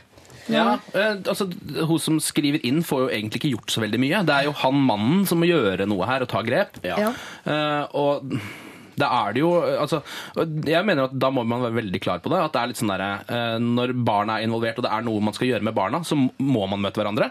Det er jo greit, men alle de tingene utenom det, da må man bare si nei, syns jeg, da. Ja. En stund. Ja. Sånn helt til man blir trygge på hverandre, og så kan man eventuelt etter hvert, når eh, det blir litt mindre bitchy stemning, så kan man kanskje møtes igjen. For de bor jo ikke i samme by, eller ikke sant? Det er mye Nei. som er vanskelig her. Antageligvis ser han ekskona si oftere enn enn Det er akkurat det. Det er jo derfor hun også er bekymra, sikkert. da. Det Ja, skjønner jeg Og det er Men derfor kanskje ekskona får blandede signaler også. Ja. Sånn som jeg leser det, da, så får hun følelsen at vi er på vei til å finne tilbake til hverandre. Mm. Noe som i subteksten betyr vi ser hverandre ofte, eh, og det syns jeg er bra. Mm. Så jeg syns at eh, altså, mannen bør ja, han bør sette klare linjer og velge fokus på Er han interessert i å ha noe gående med den nye kjæresten sin, så syns jeg, syns jeg at fokuset bør være der. Mm. Eh, og kontakten med ekskona bør være pga. barnet. Mm. Og og minimal. vel. Og minimal. I hvert fall i en periode for å definere og vise utad. fordi det er jo han som setter eksempelet her. Det er vanskelig å gi henne råd her, for det er ikke så mye hun egentlig kan gjøre. Men Nei. er det noe vi kan si til henne som gjør at hun får en eller annen større følelse av kontroll i dette forholdet, som jo er i en annen by, og med masse mennesker involvert, og eh, rykter tydeligvis, og Altså jeg tenker Det som i hvert fall kan være en oppmuntring, er jeg beit meg fast i at hun sa for ett år siden ble de skilt. Det er veldig kort tid. Eh, Og dette er jo en situasjon som sikkert veldig mange kjenner seg igjen i, i, i vår tid med nye familier og dine og mine barn. Og det er jo en jungel av ting man skal orientere seg i når man går inn i en sånn parforhold som det er. Det høres kjempevanskelig ut. Men jeg tenker ett år er kort tid, eh, og at eh, hvis det er meant to be, så eh, kommer det sikkert til å ordne seg. Men det er jo heftige saker, da. Um, men jeg er helt enig med at jeg tror at han eh, mannen må være kjempetydelig. Det er, han, det er jo knallhardt for han. Eh, for Så han- hvis hun skal ja. sette noe krav eller gjøre noe her for å- for å bedre situasjonen, så må hun sette tydeligere og strengere krav til han. Ja. ja, egentlig. Og så må han ta det videre derfra. Og fortelle han at du vet jo hvor vanskelig det her er for meg. Jeg sitter jo her og er veldig usikker når det, vi ikke bor i samme by, og du henger med eksen din hele tiden. Mm. Og det skjønner jo han også, hvis man kommuniserer det veldig klart. Og hun kan uh, unne seg å være åpen om uh, den usikkerheten. For hun sier at hun er i tvil om hva som egentlig er sannheten. Det er Ja. ikke sikkert hun har turt å si til kjæresten sin, for man vil jo være sånn 'jeg stoler på, alt Ja, er så ja, ja. At hun kanskje bare skal være ærlig på det, for det må han ha forståelse for. Ja. Med en gang hun er ærlig på det også, så vil han sannsynligvis se alvoret i situasjonen og kanskje gjøre noe med det også. Eh, Ja. Og hvis hun holder tilbake, så vil kanskje dette skure og gå til det punktet hvor eh, det går dårlig. Og Ja, det kan jo ønsker hun jo sannsynligvis ikke. Er det fruktbart for innsender her også å eh, mislike ekskona like sterkt som hun blir mislikt selv? Nei. Det kommer ikke noe Ikke? godt ut av det. Det er vel ikke så fruktbart, kanskje. Det er kanskje ikke. Det er ikke noe, det er ikke noe å hente i, eh, i dypt hat. Nei. Det føler jeg det er bortkasta energi. Ja. Ok, Så hun må heve seg over den delen av det. Ja, og det høres ut som hun gjør. Ja, faktisk. Ja. Hun virker veldig oppegående. Det, det høres nedlatende å si, men eh, hun virker som hun på en måte Hun ser forskjellige Hun ser sidene, da. Eh, Men det viktigste er at hun kommuniserer det til mannen sin, eller eh, den nye kjæresten sin. Ja. Så han også ser hvilke konsekvenser tingene har. Ja. Det er ikke så mye du får gjort, dessverre, men du har muligheten til å påvirke kjæresten din til å gjøre mye mer enn han allerede har gjort. Du må være streng med han, så at han kan være streng videre, rett og slett. Eh, Lale er dette her, og hennes fantastiske Sam Dai Yang. Du hører på Lørdagsrådet med Siri Kristiansen. Lale var det, og Sam Dai Yang. En låt det er helt umulig å synge med på uten å legge til masse, masse følelser. Det er en tekst jeg føler, Du kan ikke skrive det der uten at du er midt oppi det og opplever det du synger om. Så her er det en eller annen som sender en ung person som er i ferd med å dø. Det er ikke bare en som har satt seg ned foran rosa PC-en sin og skrevet et eller annet skit. Så jeg- derfor så, Den gir meg veldig mye, den låta. Mm, Den er kjempefin og en veldig fin plate. Er hele plata fin? Ja, Lale er altså en av mine heltinner. Men det er, jeg synes artistnavnet altså Hun har jo selvfølgelig ikke tatt hensyn til Norge i sin helhet, men det er vanskelig å si det uten at det høres ut som man har litt sånn At man kommer fra Hedmarken, eller Lale. La, altså, Det blir fort jovialt her i vårt land. Lale. Jeg føler alltid at jeg har en sånn talefeil når jeg uttaler Det er vanskelig å si, faktisk. Lale. det. si det. Prøv å si Lale kult. Nei. Jeg klarer Lale? ikke. Jeg tror, Det er ikke La- kult. la- Er det ikke kult? Det er ikke kult. Nei, jeg syns det er kult, jeg. Lale. Lale. Funker ikke. Funker ikke. Ja, hva, hva sier hun selv? Lale. Lele. Er det det? Lale. Sier hun det? Det er det kuleste så langt. Alternativet. Hun sier Har vel noe sånn persisk eh, bakgrunn. Persisk opplegg. Ja, mhm. Vi skal fortsette å snakke litt om musikk, for det har kommet inn noen spørsmål uh, til dere. Nei, men faktisk Donkeyboy-relatert, uh, Patrick. er en her som lurer på, uh, på SMS, og jeg regner med at det er adressert til deg. Ja. Hva er greia med Donkeyboy? Det er ikke noe greie med Donkeyboy. Det er bare en nå har, nå, Men jeg kan jo ikke nevne det engang, fordi det er en running gag som er helt uh, meningsløs. Du har hengt deg opp, ikke sant? Ja, Det er fordi de er på forsiden av Dagbladet Fredag, Ja. som ligger foran oss. Og, og se på meg, rett og slett. Ja, de sitter og stirrer på deg. Han ene har litt rart fjes. eh, Han ene har åpen munn, Mm. virker som han har tenkt å si noe. Og hva sier han i Donkeyboy? Ikke sant? Det vet man jo ikke. Man Jeg kan kan jo ikke, vet jo ikke hva slags dialekt de snakker engang. Antakeligvis sier han 'tar du bildet nå'? Det gjorde du, ja. Det er jo veldig klassisk eh, når man har åpen munn på bilder, så er det fordi man eh, ikke liker å bli tatt bilde av. Så man fyller den pinlige tausheten det er foran et kamera med prat. Jeg har hatt den fasen selv, hvor jeg alltid Ja. skal eh, gagge eller prate eller ta bilde og begynne å snakke, for jeg er så redd for å bli stygg bilde. At man blir det da, fordi man er midt i en setning hver gang fotografen mm. klikker. Klikker. Ja, altså på kameraet. Ja. Ja. altså, Kjempetips til Donkeyboy. Jeg regner med at dere hører på oss like mye som vi hører på dere. Eh, ikke prat når fotografen jobber. Ikke Hold tåta. Så hør, hør på oss, Donkeyboy. Jeg syns han var litt hot, jeg. Så Donkeyboy? Jeg vet ikke hvor mange det er i Donkeyboy, men jeg tenker meg at det er i hvert fall fire-fem mennesker i Donkeyboy. Det, han lignet på han som kler seg ut som en sitar i den fantastiske filmen Moulin Rouge. Han som kler seg ut som en sitar. ja. Kjempereklame for den filmen, for dere som ikke har sett den. Den løp og se på DVD. Oi, Ken, du skal også få et spørsmål som faktisk er eh, musikkrelatert. Det er en som lurer på om det hender at du, spiller, at du må spille musikk du ikke liker i musikkprogrammet ditt. Om det, om det hender at jeg må spille musikk jeg ikke liker i musikkprogrammet mitt, ja. Um, ja, det kan hende. Har du, du og Ida har jo ikke helt lik musikksmak. Nei, vi har ikke det. Eh, Ida har spilt mye Backstreet Boys foreløpig. Eh, Jeg har ikke noe sånn kjempemye imot det, men jeg føler liksom at jeg kanskje burde ha det. Eh, Så det, det er mer det. Jeg er redd for at jeg ikke har nok mot Backstreet Boys når jeg hører på det. Er det de som skal ut på veien igjen, sammen med NKOTB? Ja, er det ikke det, da? Er det ikke det? New Kids on the Og det ble jo som super-mashup. Ja. 35 gamle eklinger som skal ut på veien og Ja. synge Det er som boyband-versjonen av Heat. Ja, jeg skulle også ønske at folk lagde eh, flere sånne eh, Altså at folk hadde, hadde flere sånne plakater som, eh, som Backstreet Boys pleide å ha. Fordi de har, da ser alle på bildet forskjellig ut. Ja. Han ene står med ryggen litt til, han andre er midt i en dan dansemove, han ene står helt stille, og han tredje peker i kamera. Ja. Der har du et perfekt eh, bilde. Kanskje det er det Donkeyboy prøver Donkeyboy på på gjør det. forsiden av Jeg ser at de pleier å gjøre det. Altså. Jeg har sett flere bilder av Donkeyboy hvor de gjør forskjellige ting. Men hva gjør du da når du må spille musikk du ikke liker? Prøver du å like det som en sånn Jeg er generelt opptatt av musikk, så jeg må, jeg må liksom bare Akkurat som en Ja. kokk smaker jo sikkert på uh, kokosnøtter Ja. hverandre, liksom, selv om ikke det er godt. Bare for at Ja, det og jeg er veldig glad i film. Jeg ser masse film jeg ikke liker også, men Ja. jeg liker å gjøre det allikevel. Skjønner du hva jeg mener? Så altså, det er bedre at det er dårlig musikk enn at det er stille. Synes jeg noen ganger. I hvert fall på radio. Det synes jeg er en veldig god holdning. Men det er veldig viktig å se og høre ting som man så, ja, Det er motstanden. Det er motstanden. Det er den man vokser på. gjør at man eh, på en måte definerer hva man liker også. Ja, det det. Eh, Og det er veldig viktig. Men Ken, av og til så må du høre skikkelig, skikkelig søppel. Jeg må det. Ja. Jeg må det. ja. Part of the job. Ja, part of the job. Når jeg jobbet i P3 Morgen, så måtte vi innimellom altfor ofte uh, spille Toto Hold the Line. Den elsker jeg jo. Ikke det- Line. Det syns jeg var vanskelig eh, for meg som person å gjøre med eh, mye patos. Ja. Eh, Men måtte jo bare gjøre det en del av jorden. da. Hva er din Toto-låt? Er det Africa, det, eller? Jeg er ikke så glad i Toto, altså. Okay. sånn kjempeglad i Toto, for å være helt ærlig. Nei. Um, og jeg, jeg føler jo at jeg nå mange år etterpå fikk rett, for det er jo kjenningsmelodien til Radio Norge. så det, Hva da? Hold the line? Hold the line, ja. Ja, det visste jeg ikke. ja. Det er på en måte det er temalåta til oh, ja. kanalen. Ja. Ok. Uh, Guri Solberg, du har også fått et spørsmål som jeg ikke vet om er musikkrelatert. Det er litt opp til deg. Yes. Fortell oss noe fra TV 2 som ikke vi vet. Oi. Å, det er spennende. Er det Det. Ja. det er det jeg som har sendt inn det spørsmålet, faktisk. Uh, og det, det, det må jeg tenke litt på. Men jeg vil alt, det er så gøy å ha noe sånn Det er sikkert relatert til snak Du snakket om at du var mye ute og Ja, ja, ja. sosialiserte med folk på jobben. Ikke så ofte Dorte Skappel. Nei, ikke så ofte Dorte Skappel. Nei. Eh, Var det ikke hun som slo ned en uteligger en gang? jo, det Fortell det. Det veit ikke folk. Uh, Jeg kommer ikke på noe! Ja, men Jeg ble gal! Kom på noe? Ja. Er det sant? Nei, det er ikke sant. Nei, det er Men det er noen som har slått ned noen. Hun er såpass En så hun gang. kan ha gjort det uten at hun vet om det. Ja, hun er en sprek dame. Ja da, men hun er, jeg tror ikke hun er voldelig. Nei. Eh, Jeg tror Dorte Skappel stemmer SV. Det Jo, hun har sagt, gjøre. du har sagt Ja. det til meg en gang. Ja, det er en skrytt på seg Nei. rød strømpe. Jeg sier- hva, hva vet Dorte Skappel stemmer SV.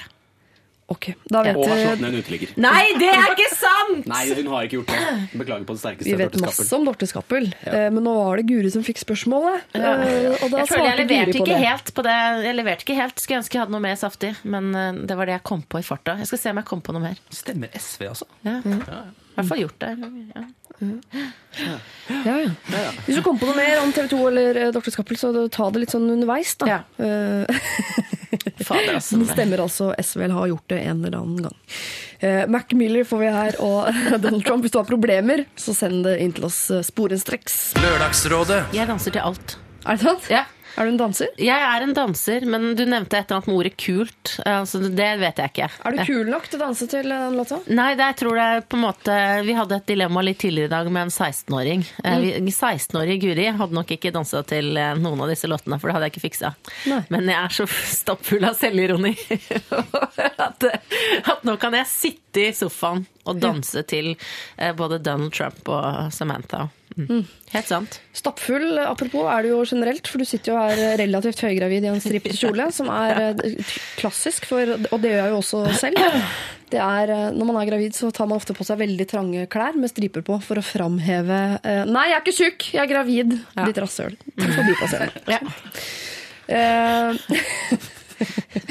og så har vi da Ken i caps, og Patrick fortsatt langhåret Ja, og litt skjeggete. Litt skjeggete. Ja. Eh, dere skal få et problem her i Lørdagsrådet som ikke er så veldig alvorlig. Eh, men det er Vi tok ut tannpust tidligere i dag. Hvordan skal man få formidlet til kjæresten sin at, eh, at de må begynne å pusse tennene oftere? Og her føler jeg at det er enda litt verre. Mitt problem er ikke veldig alvorlig, men det plager meg likevel. Jeg har en samboer, og for noen uker siden skulle jeg ta klesvasken vår, oppdaget til min forskrekkelse store bremsespor i min samboers boksere. Jeg syns dette er så ekkelt og klarer ikke å slutte å tenke på det. Det er helt uaktuelt å ta det opp med han. Det hadde vært tidenes pinligste samtale. Hadde, tatt, hadde drept all romantikk.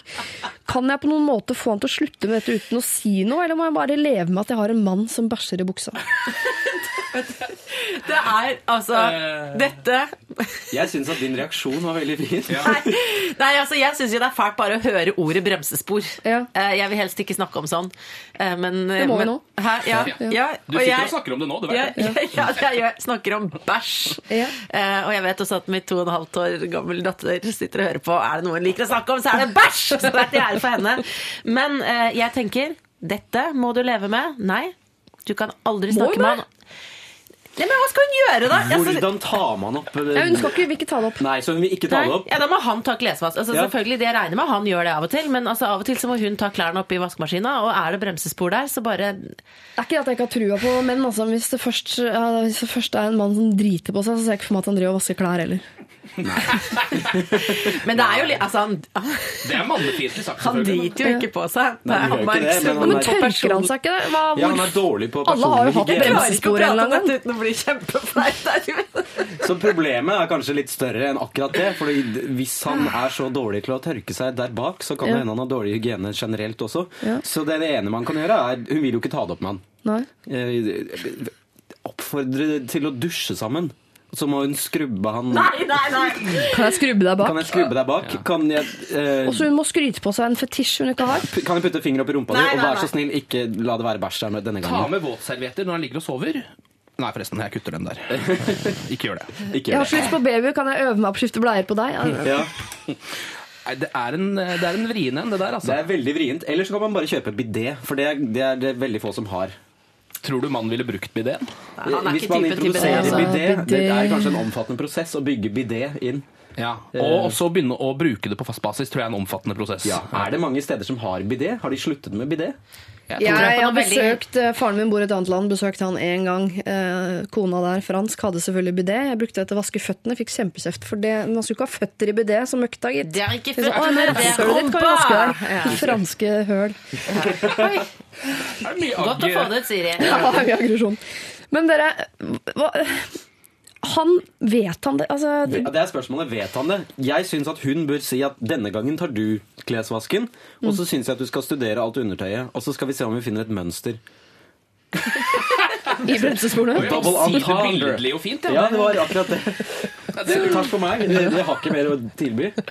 Kan hun legge denne trusa i gangen? Altså, hun må, for det kan jo være han ikke vet om Man ser jo trusa si når man tar Ikke den legg trusa i gangen allikevel. Ikke legg Nei, trusa i ikke gangen. det. Så kommer de, så er det truse i gangen. Nei. Eller er det bare fordi han har hvite boksere, og hun også Kjøp svarte boksere, Kjøp svarte boksere, så unngår du å se Så ser du det i hvert fall ikke. Ja. Det er jo det som er kjipt. Er det Men ikke hun det? vil jo alltid vite Hun når vil hun alltid ligger vite der i det lukter senga og at- hånden nærmer seg hans edlere deler, at der var Nei, vet du hva, jeg kan ikke Jeg Nei, må det er være faktisk- stille, igjen nå.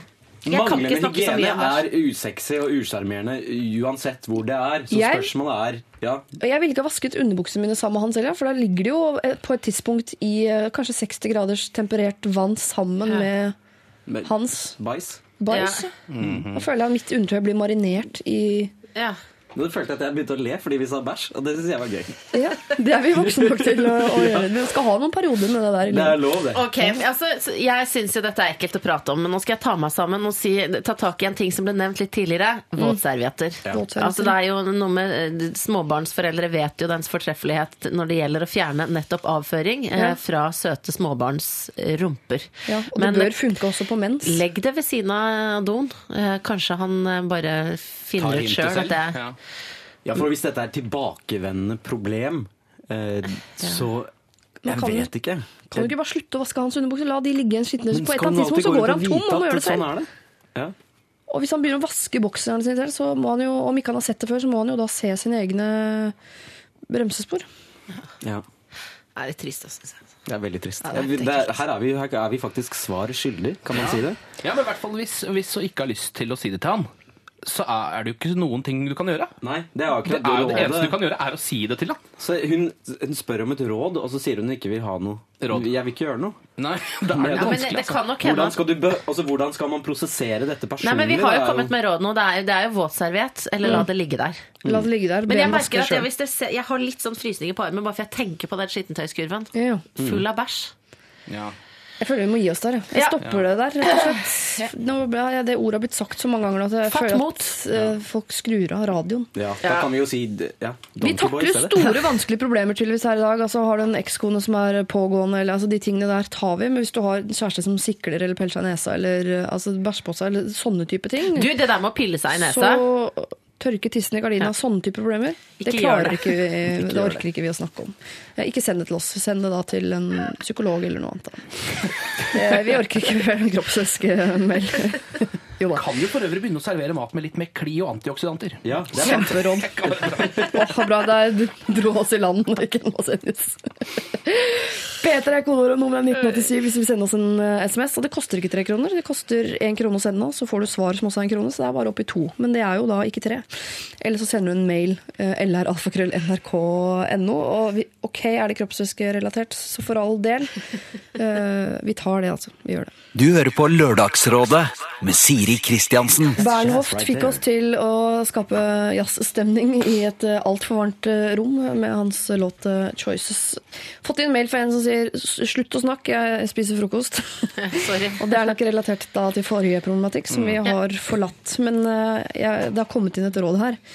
Eh, Få han til å barbere rumpa. Mindre hår er lik mindre danglebær, er lik mindre, eller da skråstrek ingen bremsespor. Det er veldig, et veldig håndfast råd. Ja, og lykke til med den praten, da. Ja. Ja. Kan ikke du barbere rumpa? Ja, kan ikke du, bare, ja, du får dialekt når du snakker om Ja, rumpe. jeg måtte distansere meg litt i det. Eh, vi skal ta et annet problem som, er, eh, som også er mannerelasert, Noe jeg mener at bremsespor er. Eh, og det lyder som følger. Jeg jobber sammen med mange menn. Jeg er vant til at mannfolk kan snakke både stygt og grovt, og det er lite som plager meg, siden jeg vanligvis pleier å henge med i samtalene. Men det er en person på jobben som snakker ekstremt stygt, eh, spesielt da om utlendinger. Han mener at urettferdige bestemmelser og kriminelle handlinger som skjer i Norge, er pga. utlendinger, og at de burde blitt sendt ut av landet eller henrettet. Dette sier han helt alvorlig, og ikke med noe ironi i stemmen. Det er vanskelig å jobbe med en som har så mye hat. For meg betyr nasjonalitet ingenting, eh, men bare hvordan en person faktisk er. Og Derfor så plager det meg veldig. Når han begynner å snakke stygt, blir jeg stum og vet ikke hva jeg skal si eller svare. Har dere noen tips til hva jeg, hva jeg kan si eller, eller gjøre? Altså, Hvordan stopper man kjeften på Alle har en rasist på jobben. Hvordan stopper man kjeften på han? Ja. Eller hun? Det er jo ulike måter å gjøre det på. Enten så kan man jo eh, si det rett ut, noe jeg syns egentlig er helt greit. Altså, du, jeg gidder ikke å høre på det pisset ditt, jeg snakker om noe annet. Kan man si. Eller så kan ofte man en oppfordring til at han da Er ikke det vann på mølla for en som er, har sånne holdninger? ja, Er det det? Ikke nødvendigvis. Nei, kanskje ikke. Jeg Altså, tenker at det, at det er lurt å bare vente. Altså, sørg for at du kan litt om de tingene han slenger dritt om. Da. Sånn at eh, når han neste gang han kommer med feilaktige utsagn om uh, våre nye landsmenn, så kan du smelle saklig tilbake og si det der er faktisk feil. Undersøkelser viser at det er muslimer er ikke de som utfører terror mest. Eller altså, et eller annet som kan bare stoppe kjeften på han uh, med fakta. Da hever du deg over han samtidig som uh, Men da vil han i hvert fall få vann på mølla, tror jeg. Ja. Da Jeg tror har jo du blitt en diskusjonspartner for han, Ja. og det vil han jo sikkert ha. Ja, det er akkurat det. fordi med en gang man kritiserer og er konkret, så åpner man til dialog. Ja. Og det jeg syns man skal gjøre her, at man skal sette ned foten og si at uh, dette vil jeg ikke høre. Fordi sannsynligheten for at man får endret holdningene til en person som er sånn, er veldig liten. Og det er i hvert fall ikke en mission man ville tatt på seg på jobben, for det er et ganske stort uh, oppdrag. Så jeg ville heller sagt eh, Det var kanskje du som sa det, eller du som sa det? At, Det var Kent Ken som sa det var hold kjeft. som sa hold Ja, og jeg syns at det egentlig er ganske fint. Jeg, jeg syns at man har han ikke være lov til å, å si det han mener på arbeidsplassen sin, selv om han jo øh, Om det er Alle har jo lov til feil, å eller alltid si hva de mener, men mm. hvis man skal gå rundt og gjøre det hele tiden, så blir det jo ikke noe så spesielt hyggelig noe sted, da. Altså, det spørs hva han mener. Ja. For at det er jo en del ting som det er greit å mene, men så er det en del ting som eh, jeg mener det ikke er greit å mene i det hele tatt. Ja. Og det er jo de tingene hvor hun må si fra. Og det er på en måte liksom magefølelsen eh, som, eh, som må peke ut de gangene man skal eh, heve stemmen. Man må jo på en måte på en sånn arbeidssituasjon bare Man må si ifra. Ja. Hitler ble jo aldri snakka til. Se hvordan Se det gikk. Dårlig. Så det er Dagens første hitling!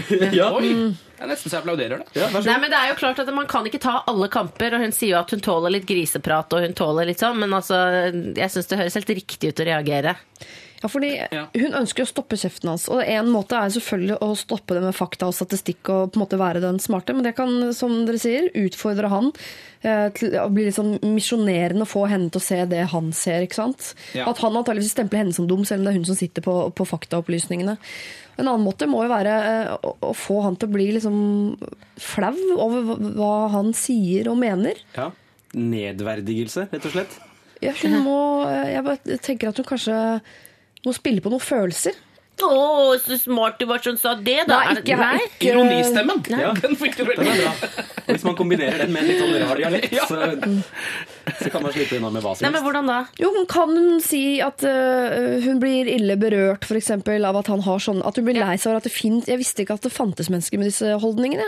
Hmm. Jeg, jeg var ikke klar over at det gikk an å mene noe sånt. Jeg. Du har jo et forferdelig menneskesyn. At man spiller litt mer på den Ja, At man spiller mer på sympati eh, og menneskelige følelser. At man setter det i perspektiv. Fordi Sannsynligheten for at denne personen er en ignorant idiot, er jo veldig stor.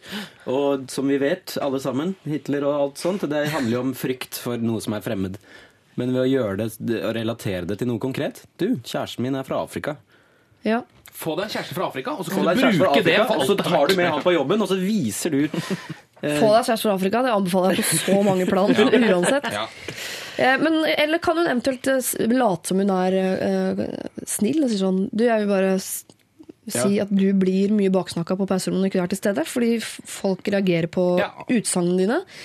Så det er greit at du mener det og hold på, men kanskje ikke på jobben, fordi du, du blir faktisk sterkt mislikt. Så enten så må du slutte å snakke, eller så må du slutte i jobben. Ja, jeg tror det er det beste, altså, å appellere til de menneskelige følelsene. Fordi Hvis man går på fakta, så åpner man for diskusjon, men hvis man går på det menneskelige, så kanskje man Det er jo et lite menneske inni han også. Ja, bitte, bitte lite. bitte, bitte lite sint menneske som kanskje er veldig misforstått. Det går Se selvfølgelig han i øynene og si 'jeg ser deg', og så begynner han å gråte. Så forstår han alt. Det går jo også an å selvfølgelig si fra bare sånn at eh, når det gjelder lunsjtemaer, innvandring, kanskje litt kjedelig, eller kan vi snakke om hva som gikk på TV i går? Altså, skjønner men Det er jo ikke nødvendig å snakke om, eh, snakke om politikk i alle lunsjpausene sine. Det blir jo slitsomt uansett hva man mener. For Jeg folk tror- er uenige, liksom. Jeg tror uansett det er lettere å si fra i en situasjon eh, hvor han faktisk sier noe. At, eh, at hun må vente til det byr seg en anledning, for da er det veldig mye lettere for han å forstå eh, hva, hun, eh, hva hun snakker om. Og det er også, Jeg kjenner meg igjen. Jeg har ikke hatt en sånn eh, idiotrasist på jobben, men jeg har hatt folk som har sagt ting som har plaga meg. Og så har jeg brukt veldig mye energi på å tenke åh, det er så irriterende, og sånn. Så har jeg liksom prøvd å være medgjørlig. Men så fikk jeg et veldig godt eh, råd av en overordna en gang. Si alt ifra med en gang, og vær veldig konkret. Og da sånn, vet du hva, jeg syns ikke det er noe ålreit at du sier at jeg har fin rumpe i den buksa. Jeg syns det er litt ubehagelig. Å ja, du syns det, ja? Ja, ja. Så plutselig så får vedkommende som sier det, får en liten vekker. Ja. Eh, Så det, det er i hvert fall mitt, mitt råd, at du må ta det i en konkret situasjon, for da er det lettere for han fyren å fatte. Ja, for det blir sjelden stoppet, for folk blir så perplekse over at folk kan dumpe ut med sånne meninger i, i øst og vest, at man blir ofte det er, de, de blir jo veldig sjelden stoppa, for folk tenker sånn Oi, det der kan jeg ikke svare på. Og så, og så får de bare ture faktisk- fram. Ja, jeg har tatt meg selv i å være i en situasjon hvor noen har kommet med en sånn uttalelse, og jeg på en måte ikke har visst hvordan jeg skal angripe det, nettopp fordi jeg blir så overraska. Ja. Det kommer en rasistisk bemerkning i en fortelling eller en historie. Eller i en taxi helt- ofte. I en, ofte i en taxi. Veldig sånn irrelevant. Ja. eh, Og da blir man tatt på senga. Så jeg har selv vært i på situasjonen hvor jeg ikke har visst hva jeg skulle sagt. Men i ettertid så tenker jeg alltid at faen, jeg burde ha sagt noe. Fordi Men det er da man- det er deilig å sitte på den statistikken som du var inne på tidligere, Guri, at man faktisk har noe sånn for det som er så irriterende med folk som har disse holdningene her, de har ofte også en del faktakunnskap. Så de kan Ja. For de er glad i å diskutere, og, ikke sant? så det er ofte at de Og det verste i hele verden er å bli satt på plass av en du mener at uh, har holdninger som ikke hører hjemme i vårt samfunn. Helt enig. Ja, men da må begir man seg ut på diskusjon igjen, da. Jeg mener Ja. at det her er liksom på en måte at man Ja, man, er trenger, man trenger ikke å heve seg så høyt her. Man trenger ikke diskutere temaet, men man kan diskutere måten ting blir snakket om. Det syns jeg er viktig. Det er Ja. sånn, ja, Som jeg sa innledningsvis, holdt jeg på å si, at man, man får ikke endret holdning til vedkommende ved noen tastetrykk, men man kan si 'dette syns jeg er ubehagelig', 'dette Mm. liker jeg ikke', eh, 'du ja, påvirker meg på den og den måten', eller de negative signalene du sender ut, uten å på en måte åpne opp diskusjonen. Ja, for Hun klarer ikke å redde han og få han til å, å, stemme annerledes. det er ikke nødvendigvis din misjon heller. Altså, du, det er jo en viss egoisme i bunnen. Man vil ikke ha, man vil ikke ha dette rundt seg. Nei. Seg selv. Og jeg skjønner det. Det er jo det som er, det er, det som er viktig. Vet du hva jeg håper på? At hun sier fra, så blir han skikkelig flau. Ja, Ja, ja. det hadde jo vært det deiligste. Eller så kan du liksom skaffe informasjon om Vigrid eller et eller annet sånt, og komme med det på jobben og si sånn 'Du, jeg har funnet en eh, organisasjon for deg. Jeg har kjøpt en fin Tor Steinar-genser til deg. Som Ja. du kan begynne å gå med. Ja.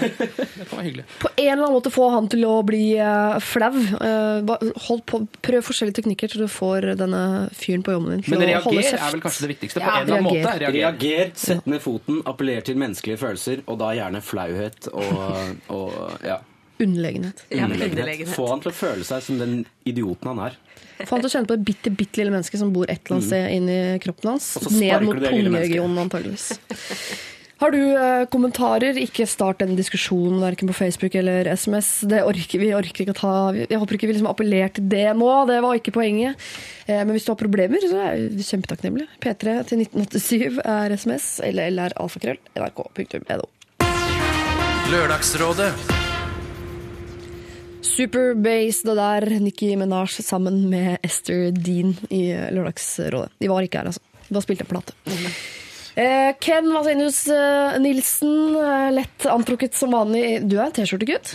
Ja, jeg er vel kanskje det. Mm. Jeg jeg, ser deg sjelden i noe annet enn T-skjorte. jeg har ikke funnet skjorta mi, hvis du skjønner hva jeg mener. Altså, jeg har ikke funnet den skjorta som jeg kan gå med hele tiden. Sånn som Patrick her har. Han går alltid i den skjorta der. Ja, Som blå flanellskjorte. den. Ja. Ja, Patrick, du er skjortegutt. Nei, men jeg liker denne skjorta. Du liker den. Ja. Bare Og så har jeg et par andre også. Med, oi, sorry. Jeg satt jo på gulvet i stad, så jeg på en måte jobber meg frem mot mikken. Jo, jeg, men jeg har en del skjorter som er flanell, type flanell. Type flanell. Ja. Ja. Det er din skjorte. Du har funnet den tidlig, og du skal være heldig. Du skal være Veldig takknemlig heldig. for det. Ja. Guri, ja, du går samme veien som meg. eh, Striper. Går for tversgående striper eh, over min Som mannen din tidligere har morges har sagt at ikke akkurat var slankende, men det nei, er det jo. Og til, til hans forsvar. Han, Ja. eh, han ville aldri blørta ut med en sånn kommentar. Jeg tror jeg en gang sa at eh, jeg går for striper, ja, det skal jo være slankende. Og så sa han er ikke det motsatt? At striper på tvers gjør deg breiere? Nei, ikke sånn. Eh, det er ikke det, nei. Gjør det ikke det? Nei. Jeg vet ikke hvordan Så, striper ja. men Du ser veldig flott ut. Takk for det. Vær så god. Det, det er jo Ja. Det er jo visse Nei, jeg kan ikke kommentere på Er du på sånn jente som må svare på komplimenter? Nei, jeg sånn vet artig? ikke. Nei. Kan ikke bare det- si takk? Takk. Hei, jeg er en mann på 33 som har et lite problem til dykk. Saken er at jeg er blind og sliter derfor av forståelige grunner med å oppfatte detaljer i hvordan folk rundt meg ser ut. Jeg kan vanligvis oppfatte høyde og enkelte andre grove trekk ut fra stemmen, som om folk høres runde eller tynne ut og sånne ting. Problemet er å få tak i mer detaljer. Jeg er jo mest interessert i det motsatte skjønn, så klart, skriver han, men få personer liker å bli tafsa på for at jeg skal finne ut om de.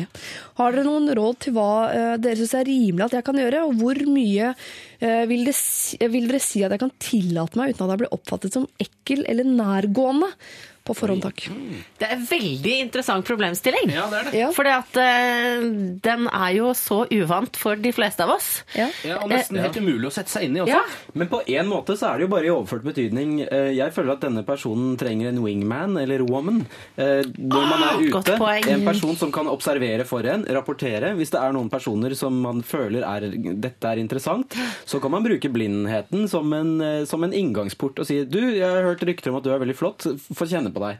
Kanskje det er litt Kompisen min sier at du har svære brød, for sønnen Sånn. Tenk å gå rett på brødet, da. Men Nei, så, ja. begynne på rumpa. ja, Begynn på rumpa, og så jobb deg jobb deg oppover. oppover. Men jeg merker at jeg syns det er en, et ganske sånn eh, spennende trekk, da. Altså, Sett at jeg hadde vært singel og var på byen, og det var en eh, fyr som eh, nærmet seg meg, og som var blind. Og som, Derfor så måtte han spørre. Eh, sånn ja, jeg er blind. eh, Hvordan, eh, hvordan, hvilken farge har du på håret? Sant? Eh, Hva er det du har på deg i dag? Altså, det er jo en litt sånn annerledes måte å bli kjent på. det. Ja. Så jeg sier at det er så farlig med den tafsinga? Kan du bare spørre? Det er en Ja. fin måte å bli kjent med folk på, at de skal beskrive seg sjøl. Og ikke ljug for de blinde, Ja, da, folkens. Det er dårlig gjort. Altså, vel, vær ærlig. Vær helt ærlig. Ja. Ja, og det er, ikke, det er ikke meningen å gjøre deg til offer for en fetisj, men jeg syns jo unektelig det høres litt eh, sånn småerotisk ut. Jeg, da. At Ja. han må finne ut av åssen du ser ut. Ja. Ikke bare med, det er jo deiligere å bli tatt på enn å bli sett på. Det må vi vel være enige om, sånn rent fysisk. Det kommer an på hvem som tar. Jo da. Ja. Og hvem som ser, for Ja, den saks skyld. Men har han ikke en gyllen anledning til å, å bli, falle pladask for folk uten å nødvendigvis vite akkurat hvordan de ser ut? Han har jo en styrke der, for det virker jo som at man, ja, når man er blind, så vil jeg jo anta at man er mye mer opptatt av andre detaljer. Som, som man sier, at man kan tolke hvordan, man kan høre hvordan folk ser ut eh, gjennom stemme eh, og lynne. Og det er en veldig interessant inngang, så jeg tenker det, bruk det som, eh, bruk, bruk det som en styrke. Og se på de positive sidene ved det. Men jeg, jeg ville eh, foreslå å bruke en, en, en som sagt wingman, Ja, eller ha så- med venner ut og Ja. faktisk prøve å, å finne ut av mennesker på den måten. Men samtidig, når man føler at man eh, skal approache noen, så gjør det på egen hånd. Liker jo ikke å gi råd fra boka The Game, men jeg er litt enig i at Wingman kan funke her, også. Ja, for jeg, ja, det er ikke på noen kynisk måte, men Nei. rett og slett bare for å sondere terrenget. Hvis ikke så er det jo helt umulig å finne hvem man skal snakke med. Men da må man jo i dialog med wingman sin på i forkant for å finne ut om man har lik smak. Ja. Og det er jo interessant i seg selv, for da på en måte finner man ut litt om seg selv, og hva man liker. Og hva man skal gå etter. Og ja, Ekstremt naivt spørsmål fra eh, altså jeg som jo eh, Det er meningen at jeg skal lede dette programmet, men nå merker jeg ikke jeg meg, legger meg flat. Hvordan opparbeider han seg en eh, Hvordan får man en smak? Skjønner du hva jeg mener? Hvordan kan han Ja. Hvordan vet han om han liker tjukk eller tynn, f.eks.? Det, det var et veldig godt spørsmål, eh, Ja. Siri Kristiansen. Jeg tenker at det gjelder vel det samme for han som for oss. Ja, gjør det? det? Altså, Vi, veit jo ikke heller ikke hva vi eh, liker før vi ser det. Eller, Nei, det er eller før, og han bare han ser det ikke, han føler det, eller For kanskje alt jeg vet, så oppfatter det på kanskje det er kjempedeilig å ta på eh, Kanskje det er deiligere egentlig å ta på tjukke mennesker enn tynne mennesker, men fordi jeg har lest for mye L og tikk i mitt liv, så tenker jeg at tynn er penest. Skjønner du? Ja, nettopp. nettopp. At kanskje han har andre preferanser fordi han ikke ser. Mm. Det, er- du, det må vi lage et eget program om en gang. Jeg syns du skal gjøre det. Ja, men jeg, Ja, det, er, det er er litt interessant, men jeg føler vi mangler da, da må vi ha denne Hva het han? Øystein? Det har du funnet på, for det er navn er aldri nevnt. Øystein. Typisk heter Øystein. Typisk Øystein. Per. Per. Denne Per. Fordi han er blind, så tenker du at han heter noe med øyet. Ja, det, jeg tror det er et eller annet det. var, Ja, det var, jeg vet ikke, jeg, jeg kjenner mange veldig fine som heter akkurat det. Så kanskje. Men uansett, at vi burde hatt han med i diskusjonen, da, bare for å høre Det er ja. Mm. Men hvor langt kan han gå uten å virke ekkel og nærgående? Er det ikke litt sånn, altså um, Folk som ser, har jo forståelse for en person som er blind. Og at uh, den personen må liksom føle seg litt fram. Uh, og derfor så hvis man spør kan jeg liksom få kjenne hvordan du ser ut på ansiktet, så tenker jeg at det er greit. Gjør Jeg syns han kan være ærlig om det og si at det er, jeg skal ikke være frampå her, men jeg er Ja. blind, så jeg vet ikke Jeg ser jo ingenting, så jeg må ser jo, ingenting. for å få et inntrykk av deg, så må jeg få tatt litt på det. Er det ok at jeg kjenner stikker fingrene inn i øynene dine? Ja. Jeg Glad for øynene jeg altså, slutten av den. Du høres vakker ut. Kan jeg få, Ja. kan jeg få Ja. tafsa på ditt anlete? Kan jeg få Altså, bekrefte at du er vakker? Ikke bruk ordet tafs, for da Nei, blir nei. det Kan jeg få berøre ansiktet ditt? vi, merker dere at vi fjåser det til? Vi er usikre. vi alle ja, sammen. men jeg er Nei, men jeg tror at, jeg tror at det, så lenge han føler seg fram Nei, no pun intended. så lenge han liksom kjenner litt på situasjonen, da, så tror jeg han kan gjøre ganske mye, bare han oppfører seg ordentlig og spør pent. Jeg tror det er, Folk syns det er spennende. Ja, jeg tror jeg tror damene vil eh, bli ekstra interessert, kanskje, fordi at det er en, en litt original måte å bli sjekka opp på. Og så bare det at han er opptatt av å ikke virke frempå og slibrig, er jo en indikasjon på at han ikke er det, og at han er en, en, en kul type som, som klarer å lese situasjoner på den måten. Da. Så jeg tror ikke det er noe fare for at han fremstår som en 'ja, så få kjenne på det', i og med at eh, han er veldig redd for å fremstå sånn. Ikke Det er jo begynn nok så av mange folk som- setninger med jaså, for det er ofte sånn jaså. Ja, ikke start setninger med 'jaså', egentlig. Nei. Det er tipset. Det er vel gjerne nok av folk som ber om å få kjenne på uten å være blinde. De pleier ikke å spørre ofte heller. Nei, de spør ikke, nei. Nei, Nei, så det er, det, det er dette med å spørre. det er dette med å spørre. Det dette med Skal du være med på Donkeyboy-konsert, f.eks.? Så Ikke sant? Ja. Sånn type Så kan jeg ta på der. der. På konserten. Ja. Eh, Øystein, som du nå heter, det er mann 33. Du skal være Jeg tror vi er oppe i fjerde eller femte mann i rekken nå, av totalt 50, eh, som kommer til å få en T-skjorte i posten med påtrykket 'Lokføreren'. Eh, og altså, Det står noe sånt som 'godkjent av Lørdagsrådet' under, som en, en mann det er verdt å satse på. Det er det totalt 50 mennesker i verden som noensinne kommer til å eie. Første T-skjorte gikk jo da til min lokfører, som er lokfører altså sånn på papiret, utdanningsmessig. Eh, og så er dere da 49 andre som kan gå rundt i samfunnet med dette beviset på at vi i Lørdagsrådet mener at dere er en fyr eh, jenter burde se opp for og bli sammen med over lengre perioder. Og det vil jo hjelpe han sånn når han er på byen nå. Det vil være til hjelp, ja, for da vet dere jenter også at dette her er en fyr vi mener er bra. Så bare bli sammen, rett og slett. Bare gjør det. La han tafse og holde på med greiene sine. Eh, hvis du har et eh, problem, eh, du som hører på, så send det gjerne inn. lralfakrøll.nrk.no, eller da SMS P3 1987. Du hører på Lørdagsrådet med Siri Kristiansen. Madonna det der, men det hørte dere vel. Og hennes uh, Frozen, som jo uh, jeg kan utenat. både teksten og videoen. Kan jeg få lov å si noe veldig, veldig flaut? Ja, For vi snakka om uh, dansing litt tidligere i programmet, og hvorvidt jeg dansa til diverse låter som vi spilte. En gang så var jeg på audition til studentrevyen eh, ved Høgskolen i Volda, dansegruppa. Og en del av audition var å danse til den låta her. liksom fri koreografi. Det merker jeg blir helt svett i håndflaten av å tenke på det. Hvordan type dans gikk du for? Litt sånn Hare Krishna batikkdansing, eller? Eh, og nå får jeg tårer i øynene. For syns, men, Fordi du sa batikk. Ja, nei, men det var Jeg tror jeg liksom kjørte litt sånn fridans. Og det var helt Det var ikke sånn ironisk tulledans som man ofte kan skjule seg bak på fest. Det var For da skulle jeg vise mitt, liksom, hvor flink jeg var til å danse, da. Din indre steiner. Ja, Lukket du. Lukket øynene til, på det mm-partiene? Og brukte mye sånn flagrende hender? Liksom, Nei, sånn men jeg tror jeg brukte akkurat det her sånn Så brukte jeg liksom det crescendo i musikken til å understreke det med dramatiske bevegelser. Jeg blir svett i jeg det. selv. Jeg ble det. Ja, jeg ble det. Fins dette på video?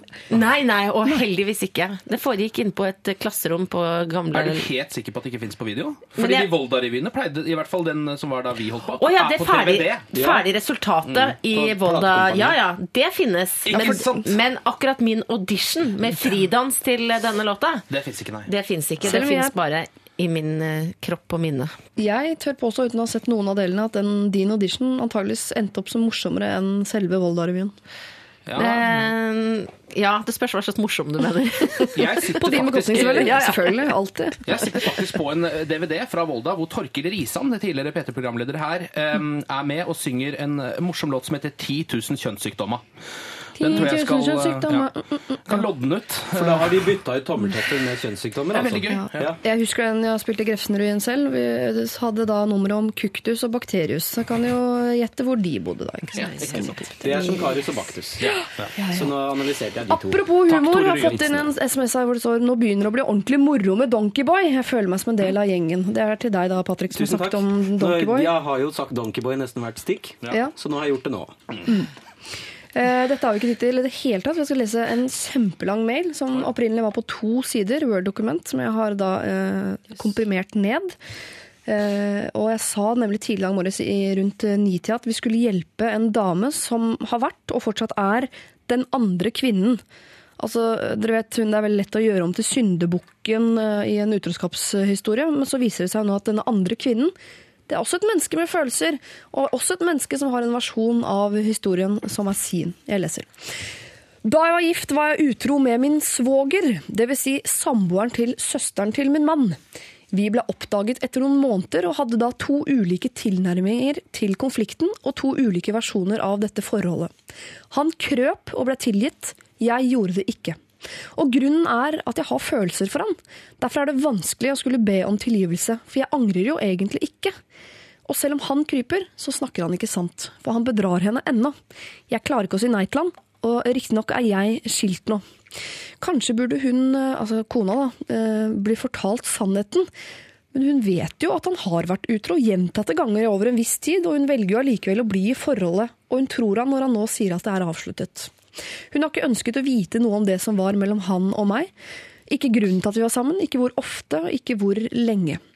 Jeg ønsker ikke henne noe vondt, men jeg klarer allikevel å rettferdiggjøre det vi gjør, eh, med tanker som når hun er så dum at hun tilgir han, og ikke vil stille han noen ubehagelige spørsmål, ja, så kan hun skylde seg selv.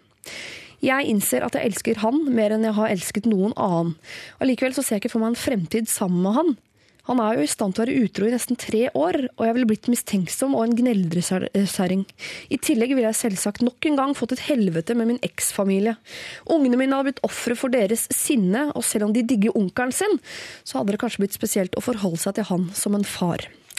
Burde noen fortelle henne det, altså denne kona? For det er jo mange som vet om oss. Han tar til tider ekstreme sjanser for å være sammen med meg, og byen vi bor i er liten. Vi har også felles venner eh, som eh, kunne ha virkelighetsorientert denne kona. Det er vel ikke min oppgave, eller er det faktisk det? Fint om dere har noen innspill til all denne dramatikken. I så fall takker jeg for alle gode råd.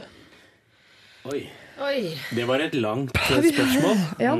Eh, det er veldig vanskelig å, å, å sette seg inn i den situasjonen. Men hvis man ser på det bare fra et sånt eh, emosjonelt eh, standpunkt, så er det Hun er skilt nå, så hun er singel. Hun har et forhold til sin svoger, altså da Eks-svoger. Sin, eks-svoger. Altså sin eksmanns søsters mann. Ja. Eh, han vil ikke gå fra henne. Uh, også sin kjæreste, kone. Men allikevel så har de et forhold. Så der er på en måte Problemet er der at de har et forhold eh, hvor, eh, hvor enten så syns jeg at hun skal bryte det. Nettopp pga. alle konsekvensene det får for de rundt. Eller så skal hun følge det opp. For hvis dette er liksom en, en kjærlighet som hun har lyst til å, å, å holde på, så skal man jo ikke fordømme den. Men sannsynligheten for at det, det ligger dårlig an, er jo veldig stor. Hun ser ikke for seg noe framtid med denne mannen, og det er også en del av den lengre versjonen, Ja, kan jeg jo røpe. At eh, det blir ikke de to. De kommer ikke til å bli sammen. Hun vil ikke ha han Nei, som kjæreste. jeg-. Bare for å være helt uh, frank, Ja. if I can be frank, jeg er frank nå, så syns jeg at eh, hun skal bryte det. Men hun Nettopp sier jo også at eh, hun elsker han høyere enn hun noen gang har elsket noen andre. Hvordan bryter man med den? Det er jo Det går ikke an å bryte Ja. emosjonelt. Ikke med en gang, men Så det er en Uffa av de meg. delene må være ljug, tenker jeg. Ja. Altså, elsker hun han? elsking eller at det ikke kommer til å gå. Ja. Det går jo an, og at det, går, de to tingene kan jo gå hånd i hånd. Hun ser på det som en umulig kjærlighet. Eller Ja. grunn, det, det som er interessant, er hvorfor tror hun det ikke kommer til å gå. Hun stoler ikke på han, og de har jo litt for tette familiebånd, selv om ikke det er noe blod sånn sett. Men eh, for hennes barn Ja. Plutselig en dag så er mamma sammen med onkel. Det er jo litt vanskelig. Ja, det er vanskelig. Og det er veldig mange praktiske ting som tilsier at livet blir mye lettere hvis hun klarer å kutte de båndene. Det er jo helt klart. Men, men samtidig det der argumentet med altså når man treffer hverandre, når man er sammen med noen andre altså, Ok, han er utro når han traff meg. Hvordan kan jeg da stole på at han ikke er utro når vi er sammen? Det er på en måte en litt sånn kjip greie. Man treffer Altså, ja. Det, det føler jeg det argumentet kan hun ikke bruke, men, men likevel så han har på en måte liksom Han er liksom den kjipeste her. Han For han er er jo- liksom, han har liksom Hun har vært ærlig og tatt konsekvensene, og han bare later som han ikke gjør det mer, men alle vet at han gjør det. Burde, har hun noe ansvar lurer hun på, til å fortelle denne kona det? Jeg føler veldig sterkt på nei der, jeg. Ja, men jeg hun vet har ikke noe helt ansvar, hvorfor. men han har jo et ansvar å på en Ja. måte være ærlig mot kona si. Ja. Spørsmålet er liksom Utroskap er jo alltid symptomet på noe. Aha. Det er jo ikke årsaken til at ting går galt, men det er sannsynligheten for at det er noe galt i forholdet han har allerede, er jo veldig stor når han ligger med sin svigerinne. Eks-svigerinne.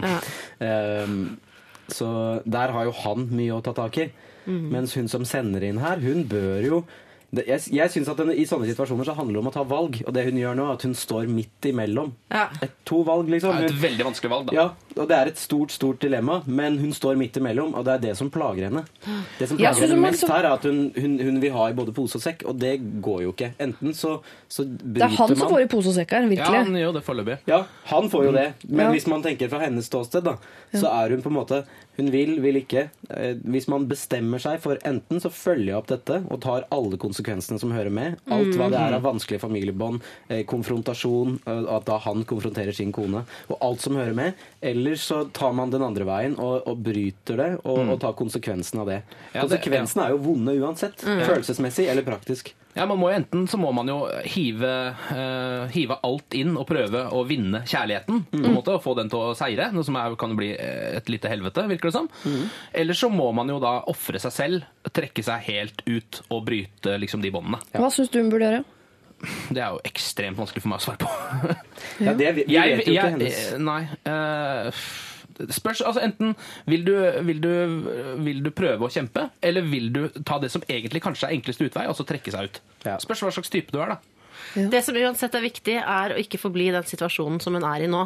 Ja, for Fordi Fordi er at jo- nå er hun på en måte off offeret, og er i en kjip, kjip situasjon hvor det er noen andre som er kjipere enn henne, hvis du skjønner. Så, og det kan hun Tenk så mye energi hun bruker på det. Negativ energi. Hun bare fyller livet sitt med gørr, tenker jeg, hvis dette får pågå. Så det aller viktigste er at hun bestemmer seg for noe.